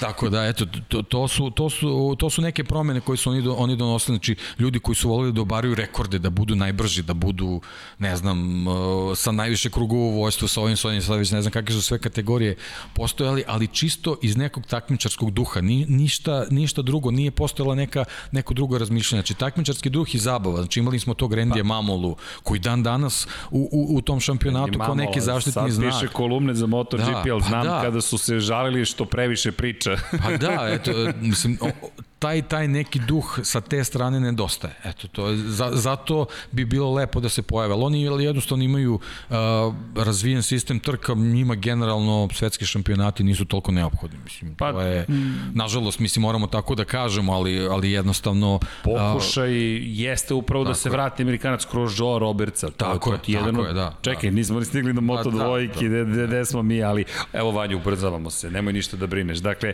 čekaj, togli smo do Joana Mira, dok smo Rossi, ali Joan Mir nam je, ok, druga pozicija, četvrta pozicija, imao je pobedu u rukama, realno govoreći. U, pa nema šta, to smo već prošlo pričali. Ovaj, on, on, on i timski kolega su naoštreni, jednostavno pitanje trenutka kad će, kad će tu biti Vidi. pobeda, tako da bez obzira što, što je ovaj, Mizano potpuno drugačija staza od, od Red, Bull, Red Bull ringa, ja ponovo Suzuki ubacujem u tu Ali, priču, posebno zbog onog sektora da kojeg smo pričali, je, jednostavno Suzuki je okretan motocikl, dovoljno snažan da, da, da ne može da mu pobegneš na pravcima oni imaju kao, kao neka, neka a, a, priča je slična kao u, KTM-u. Znači oni nemaju nekih loših trenutaka zbog kojih bih trebali da budu ovaj, u, u, u, u, kako bi rekao, lošije motivisani ili da su obeshrabreni. Bilo, bilo je tu, eto, dešavalo se ti neki padovi, nažalost imali su te neke povredice, to je sve, sve prošlo, ovaj, sa nekim trkama su videli koliko vrede, zbog nekih svojih grešaka možda to nisu ra, uspeli da, da, da unoče na način kako su mislili, ali pretpostavljam da, da tu nema nikog razloga da ni sumnjaju da će ovde biti neki, neki konkurente pa, za podijum. Ako, ako pogledaš prosto mm, i u nižim kategorijama je uspevao Mir da, da u Mizanu odveze dobre trke. Ako, ako gledamo istoriju... Pa dobro, da, sad da li da li je to merilo, ali, ali u principu da, ako ti neka staža, staza leži, onda ti leži, mislim, to, pa, to, je, to je neki faktor koji treba računati. To bi Rinsu trebalo da odgovara. Mizano je mesto gde on pobeđivao u nižim kategorijama. Bio je na pobedničkom postulju, zna ovde kako se voze dobre trke. Četvrti je bio pre dve godine. Dobro, prošle godine nije završio.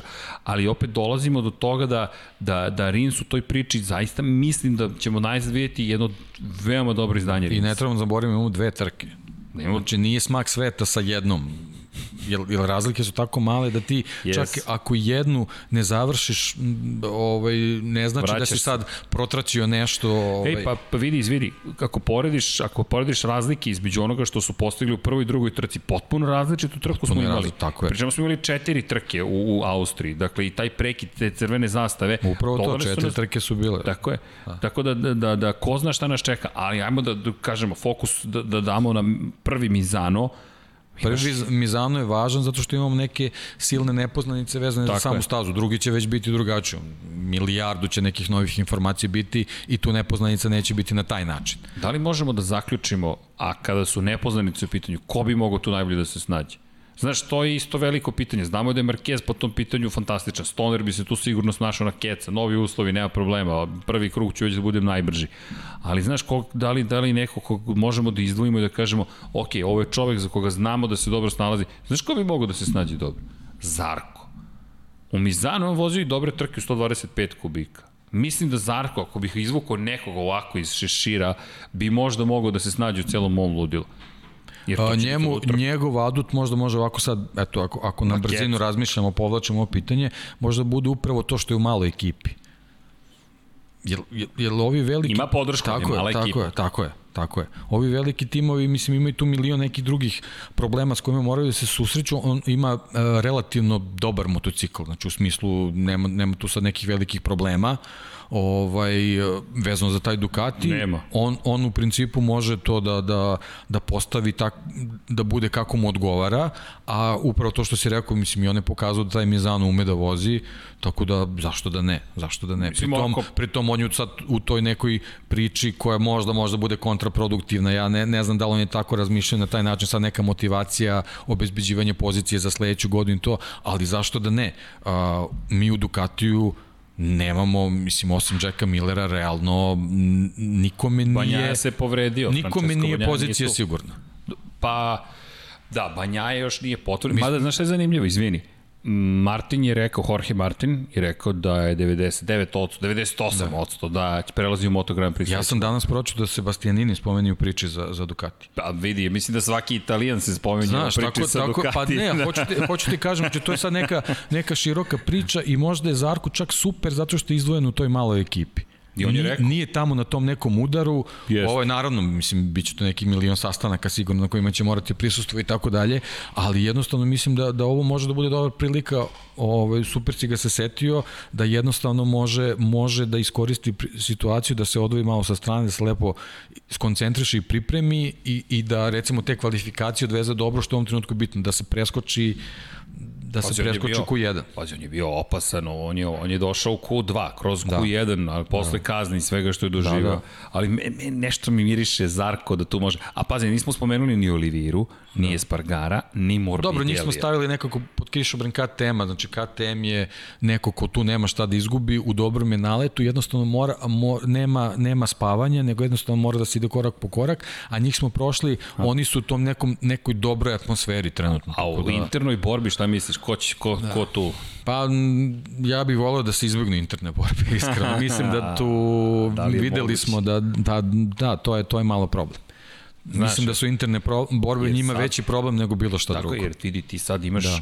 Ti sad imaš priliku da budeš šampion Tako je, sveta. tako je. I tu više nema, sad Nema, smo ne, KTM. ne, ne, ne, ne. sad više da. nismo drugari. Sad, Da, sad I ovo je i, i MotoGP Sport da je pokazao tu nema nešto favorizovanje vozač 1, vozač 2. Nema, ne postoji. Mislim, Yes. realno Mark Marquez je vozač 1 zbog svojih vozačkih karakteristika, ne zato što neko ustrojuje ekipu tako. On, on je to postavio tako, ali ti kad pogledaš recimo, ako smo već njega spomenjali Valentino Rosija, Isto je bio broj nikakav 1. status sad trenutno ne uživa Sada neki, ne, ali neki bio poseban status. Bio je davno broj 1 kako? Ne tako što su branili nekome da Tako je. vozi, nego Colin Edwards je bio tu da razvije tako motocikl. je, tako je. i To je znalo- jednostavno ust- ustrojeno tako i tako, Tako, je je, bilo. ali kada je Lin Jarvis bio još na nivou na kojem je bio jedan od najboljih šefova timova, doveo je Jorge Lorenzo. Tako je. Nije Valentino Rossi čak ni tad u naponu snage, na vrhuncu slave mogao da, da spreči. To je, to je dobra stvar, zato što Lorenza. jednostavno, momci, sedite, vozite. Vozite, pa ko je najbolji? Samo nemojte da radite ono što su Ducati radili. Da, da. Nemojte baš da uzimate bodove jedni drugima. I što da su i KTM-ovci postigli ove godine. E, pa to, Binder to, to udario je... Oliviru, Olivira u pola Espargara. Ono što smo pričali, znači KTM je uzeo od svakoga, od svaki, svakog drugog tima po nešto dobro i sad tu moraju da nauče da to nekako moraju da iz- izbalansiraju. Ti imaš mnogo, a, mnogo mladih bikova u timu, Imaš? Ovaj, Pazi. svi, svi, ogo, svi rogovi su oštri.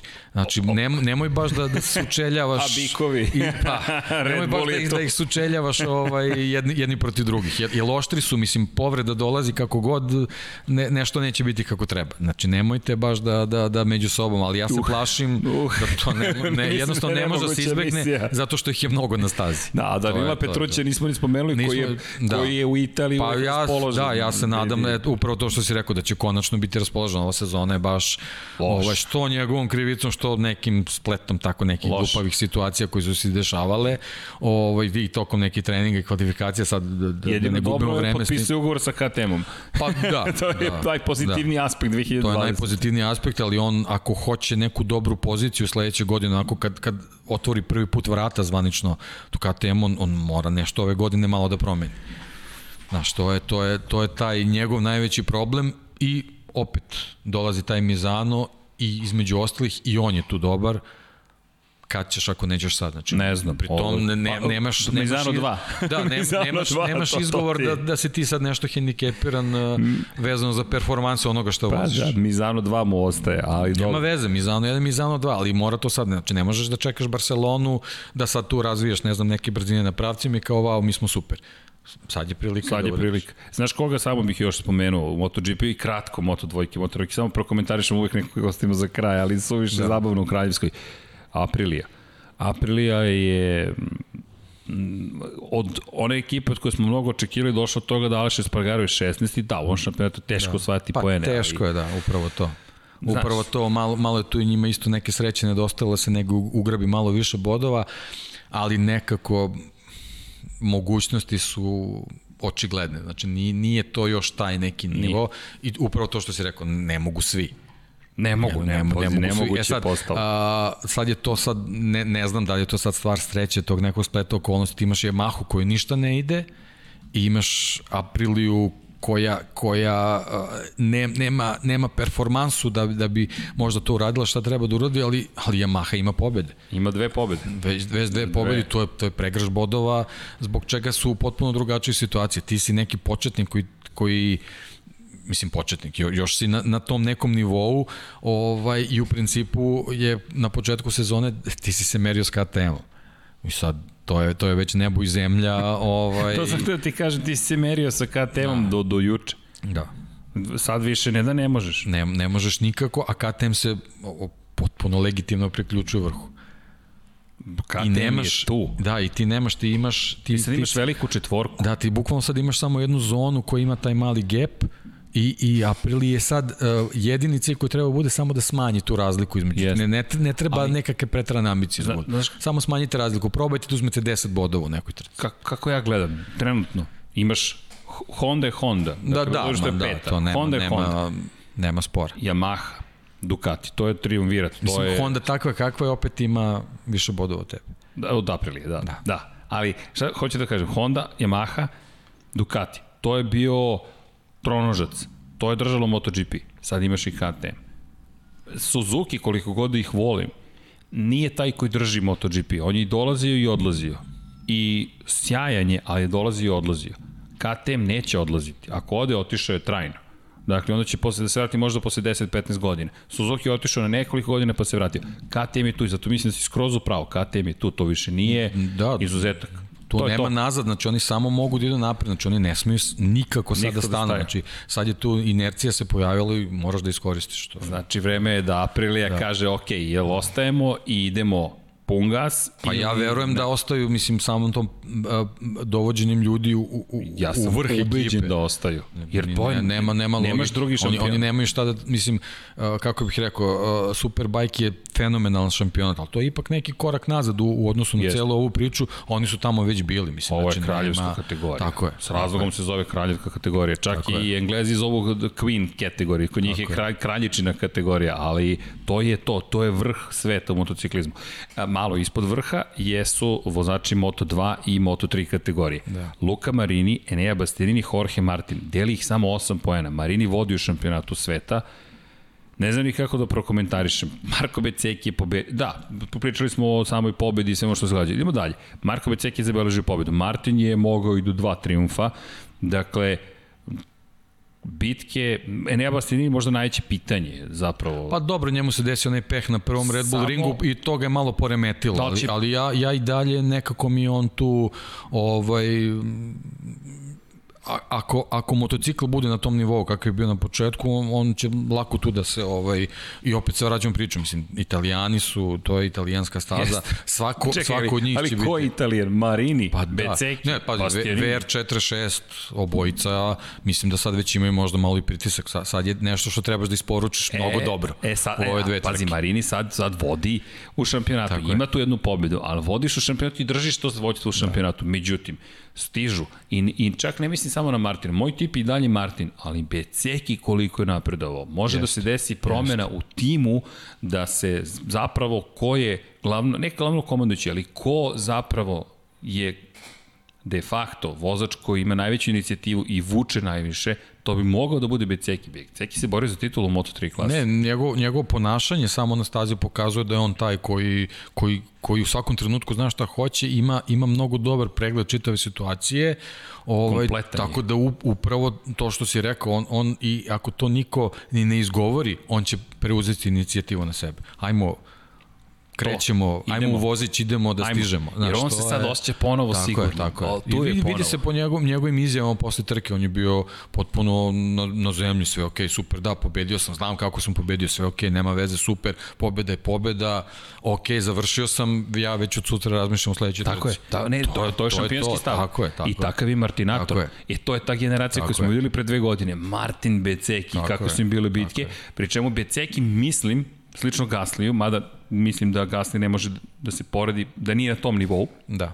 da. A to je, doživeo si tešku sezonu. Pad si doživeo. Beceki prošle godine bio Mi smo ga videli u hotelu u, u Barceloni, on je, znaš kad vidiš u pogledu nečijem da, da je anksiozan, da je to da. neuroza gotovo, da, on, da. da to nije ono što je treba da se događa u njegovoj karijeri u tom trenutku, a da on ne zna šta treba da uradi, potpuna frustracija. I sad gledaš jednog Marka koji je ponovo na svom putu, Pobedio je i to je to. Zato mislim da će Becek igrati ogromnu ulogu. Marini mislim da će imati jednu dobru trku u Mizanu, ali da neće imati obe. I onda možemo da dodamo i Tecutu Nagashimu, i Remija Gardnera, i Joe Robertsa. Ko zna ko će nas iznenaditi. Vidjet ćemo Sam Lowe's da li može Dob, da se ne, vrati. Dobra je stvar, dobra je stvar što se ponovo pojavljaju neki vozić u GP2 kojeg smo malo izgubili, malo, jesmo, malo su sad krenule, jesmo, jesmo. malo sam ja ono kao čekaj kakve su sad ovo trke, ovo nešto, ne, nešto međutim, nije. sad se to vratilo, da, da. nažalost bile su te, imali smo to šta Realno smo imali i, i sad nije ni, ni to prava situacija da, da cenujemo, ali ja se nadam da, da ćemo sve te vozače videti u nekoj grupi i, i da jednostavno nećemo znati ove, kako, kako će taj ishod da bude, ali kažem ti ja bih voleo bih ovaj, zbog, zbog šampionata da se Bastianini vrati zbog svega tog šta ga je potreslo ovaj, u Austriji, ovaj, da, da se on priključi zemljacima svojim koji su sad u naletu, mislim, to, to se vidi, da. Ali to je sa da, plus, plus Martin. Prošle da. godine kada je na Red Bull ringu doživeo povredu, da. kada je izbačen sa trke, nije mogo da se oporavi. Dakle, nije mogao do ove godine da se oporavi. Zato mi je ovo veliki test za Bastianini. Da li je prevazišao tu vrstu e, slabosti? E, to, je, to je sad ono što smo pričali. Znači, šampionski si kov ako nemaš ni jednu slabu tačku. Sad ćemo da vidimo da li je to da li je, da li je to, da li je, to jel, druga, druga trka na Red Bullu je pokazala da je bio uzdrman. Jeste. Ali Videlo se. moraš, moraš jednostavno neke situacije da ostaviš za sebe, kao što je Zarko uspeo, kao to je možda neki drugi kov, ali ja, ja nekako verujem u njega i nadam se čisto zbog, zbog zanimljivosti trka da će se on priključiti čitavoj priči. A znaš na koga ja tipujem? Ajde, ne smem da kažem za pobedu, mada mislim da ću zažaliti što neću ići da tipujem na pobedu, ali očekujem Lorenza Baldasarija. Posle svih katastrofa koje je doživeo, očekujem Balda da samo ovaj vikend odveze. Da. Ili drugi vikend odveze. Ovde jeste zabeleženo pobedu. Samo bi Balda, to mi je...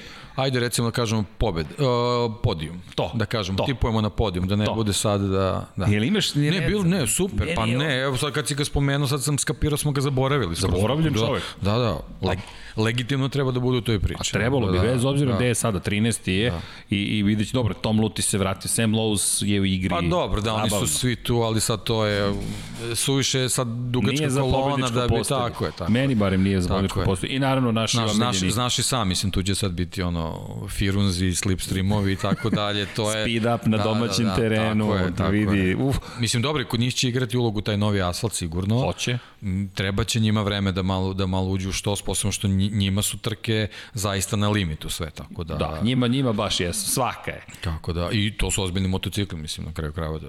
Vidi, 765 to kubika. Nije, da, da. mislim, treba to naučiti savladati, plus kad dobiješ tu neku novu podlogu. Mislim, dobro, sad pričamo o tome, neće, ja ne verujem da će tu biti sad toliko drastične promene, ali te neke desetinke koje odlučuju jako će igrati veliku ugrudu, ulogu ko se kako uklopio na, na taj asfalt. Pa videli smo da, jedna desetinka ti razlika između 5. i 12. pozicije, tako na primjer. To, da. to zaista je dramatično je, postalo. Taj asfalt će možda tu desetinku da nosi. Ali znaš šta je fenomenalno? Od treće pozicije u, u moto trojkama. U moto trojkama. Dakle, ajde, već sam preskočio, Albert Arenasa i ja je u guru, vodeći da. dve pozicije, treći da, John Arenasa smo, da, da, Arenasa smo absolvirali, da, da, da, da, da, ali bit će ok, zanimljivo, da. Ajo Gura koji juri svoju prvu pobedu i dalje, Albert Arenasa vidjet ćemo da će se vratiti, bio je peti na ovoj prethodnoj trci, ali poen razlike, 6 poen razlike, poen 8, 3, 7, 4, 0, 7, 8, 1, 1, 1, to, to je potpuna ludnica. Da, dakle, dobro, da, to je neki 30 bodova, tu, tako. To je mini, između treće plasiranog i, i na primjer, desetoplasiranog, pa za, zaista kada pogledaš, mali broj poena razlike, to jeste zabavno, ali budimo realni, u Moto trojkama gledamo samo isključivo šampionsku titulu. To je ono što gledamo. Da, da, da. I Arena stoji dalje deluje kao neko ko, ko, ko A delo je kao da ima pa da drži pod kontrolom, upravo Tako to. Upravo Jednostavno... to. Mislim, jeste kao peto mesto, ali dobro, to je, to je opet pregreš bodova, nije to, pritom takva je trka bila. 25 pojena prednosti da, i dalje ima. Da, da. Znači, dalje delo je on je, on je sad u mogućnosti da možda kalkuliš, mislim, to je, to je, pritom, naš, nemamo sezonu, mi nemamo još 15 trka. Još 9. Da, pritom, naš, oni su šest trka već pregurali, on je kroz tih šest trka napravio pa, solidnu razliku. Pobede. Da, da. To, to ti je 50% da. odveženih da, da, trka. Da, tako I, da... I, I da podsjetimo, Mizano, Mizano, Katalonija, to je prvi vikend, pa da. Aragon, Aragon, Dobro, Valencija. Katalonija, Moto trojke, to je već onako, to je za njih staza već ono malo, ovaj, ali, ali Mizanom ja očekujem baš dobre zanimljive trke. Da, zaboravio sam Le Mans, izvini. Da. Mizano, Mizano, Katalonija i onda ide Le Mans, da. Aragon, Aragon i onda Valencija, Valencija, Portimao. Da. Samo da podsjetimo koje nam staze dolazi, da će biti fenomenalno. Uh, deki, Da. a, mi ne možemo da pokrijemo sve. Dakle, mi možemo da ostavimo još 5 sati, imaćemo Pa dobro, nešto da, da, pričamo. Niti to naravno, ima, naravno. niti, niti, meni je lepo da se ispričamo iskreno. Jeste. Dakle, sebičan sam, ali meni je ovo super. da. Otišli smo i u 2000-tu i 1980-tu i ne znam gde se sve nismo vratili. Ko nas je pratio, prati. Šta da radi? Ništa drugo. Nismo da. ni mi nas pratili. Čekajte, ipak su ovo veterani. ja, da, da. Da, postali smo veterani, ko bi rekao, a da, ovo ja moram ti priznati da si me ganuo, dakle, rani radovi i, i sada kad čitamo naslovi i rečenice, čekaj kao, Da, pa istorija se ponavlja. tako je, it's all just a little bit of Uvek imaš neke, neke zvezde, imaš neke protraćene talente, uvek je, uvek je ista priča. Ali je zabavno. Da. Pa idu- Kod nas je uvek borba da se napravi neka staza. Ali to mi je isto Tako, pa fenomenalno. da, pa da, I Miloš da. Pavlović, čekaj, gde je Miloš? Dakle, ej, nisam ga spomenuo. Da. Evo ga Miloš Pavlović na naslovnoj strani, šampion Italije u Formuli 3. Da, to ni je, manje ni više. to je bio trenutak kad je 20 osvojio godina. super licencu za Formulu 1. Da. da. Ta, I- ta titula mu je donela super I licencu. čovek koji je sada u šampionatu u kojem opet Da, Lamborghini super trofeo, kao- oni su, da, oni su upravo na Mizanu vozili prvu, prvi trkački vikend, on sa kolegom Raulom Guzmanom, pošto se u tom šampionatu vozi, ovaj, vozi se trke od 50 minuta, svaki vozač vozi, da kažemo, po 25, pa se ovaj, Da. vozi, voze po jedan stint, ovaj, i onda se po uzoru na, na trke izdržljivosti vozač smenjuje. Ovaj, na, na jednoj trci su pobedili, na jednoj su bili drugi, sad su vozili trkački vikend u Nürburgringu, na jednoj trci su osvojili bodove za drugo mesto, na jednoj su bili treći i trenutno vode u generalnom plasmanu. Ovaj, mislim, on ne krije, on je na početku sezone rekao da mu je cilj šampionska titula, oni su sad na najboljem putu. Ovaj, Sledeći trkački, trkački vikend je početkom oktobra u Barceloni, kad na, u Da. Kataluniji će biti ovaj, takmičenje, s tim što će oni među vremenu odraditi jedan test u, na spa, ovaj, pošto ih to, to čeka kasnije, tako da ovaj, pripremaju automobil, onako, maksimal target racing i ozbiljna ekipa, to je upravo ova ekipa To s kojom da je osvojio. kažem. Da, da, da, Mugello. da, da. Koje su to staze? Valelunga, Mizano, Perguza, Monza, Varano, Imola, Bineto, Mugello, Umbrija. Tako je. Tako, Ita, Italija ima ozbiljne šampionate, između oslog, zato je, zato je taj šampionat i kvalifikovan da se dobije super licenca za Formulu 1 s njim. To je da dobiješ pravo da, Pravo da da- dobiješ super tako je. licencu. Da. Tako da, eto, to Da. je to je ta još jedna lepa priča, ovo je vezana za naš autosport. Da, i to, to sam obećao, dakle, to sam propustio na juče, ali Miloš Pavlović evo, namerno će da dobije svoju kolumnu, dakle, čovjek koji 25 godina pokušava da dođe do izražaja u medijima, ali bezuspešno. Dakle, Lab 76 i ne samo Miloš, svako dete, devojčica, dečak, momak, odrasla osoba koja se takmiči, mi ćemo se potruditi da prenesemo informacije. Prosto Miloš ima neke neverovatne rezultate iza sebe. Zaista kad pogledaš njegovu karijeru, je jedna za- blago rečeno zanimljiva priča. Ali, ali nas čeka još puno, nadam se, priča. 76 najmanje, šalno na stranu, ali završavamo ovaj 76. krug. Neki šta ti kažem, hvala ti, Hvala tebi na pozivu. kao i uvek, i jedva čekam da vidim i trke i naravno da se vidimo ponovo i da, da, da prođemo još milion nekih tema. ja, kažem ti, teško bi da se oprostim kad su ovakve emisije u pitanju, prosto bih sad sedeo satima i satima, ali ne brinite. I Vanja već mora čovek da, evo spomenuo sam Vanju za kraj za hidrataciju da ide, ali hvala ti još jednom. Hvala tebi. Hvala i nadam se da se vidimo vrlo, vrlo brzo. Biće mi zadovoljstvo. Ćao svima ljudi.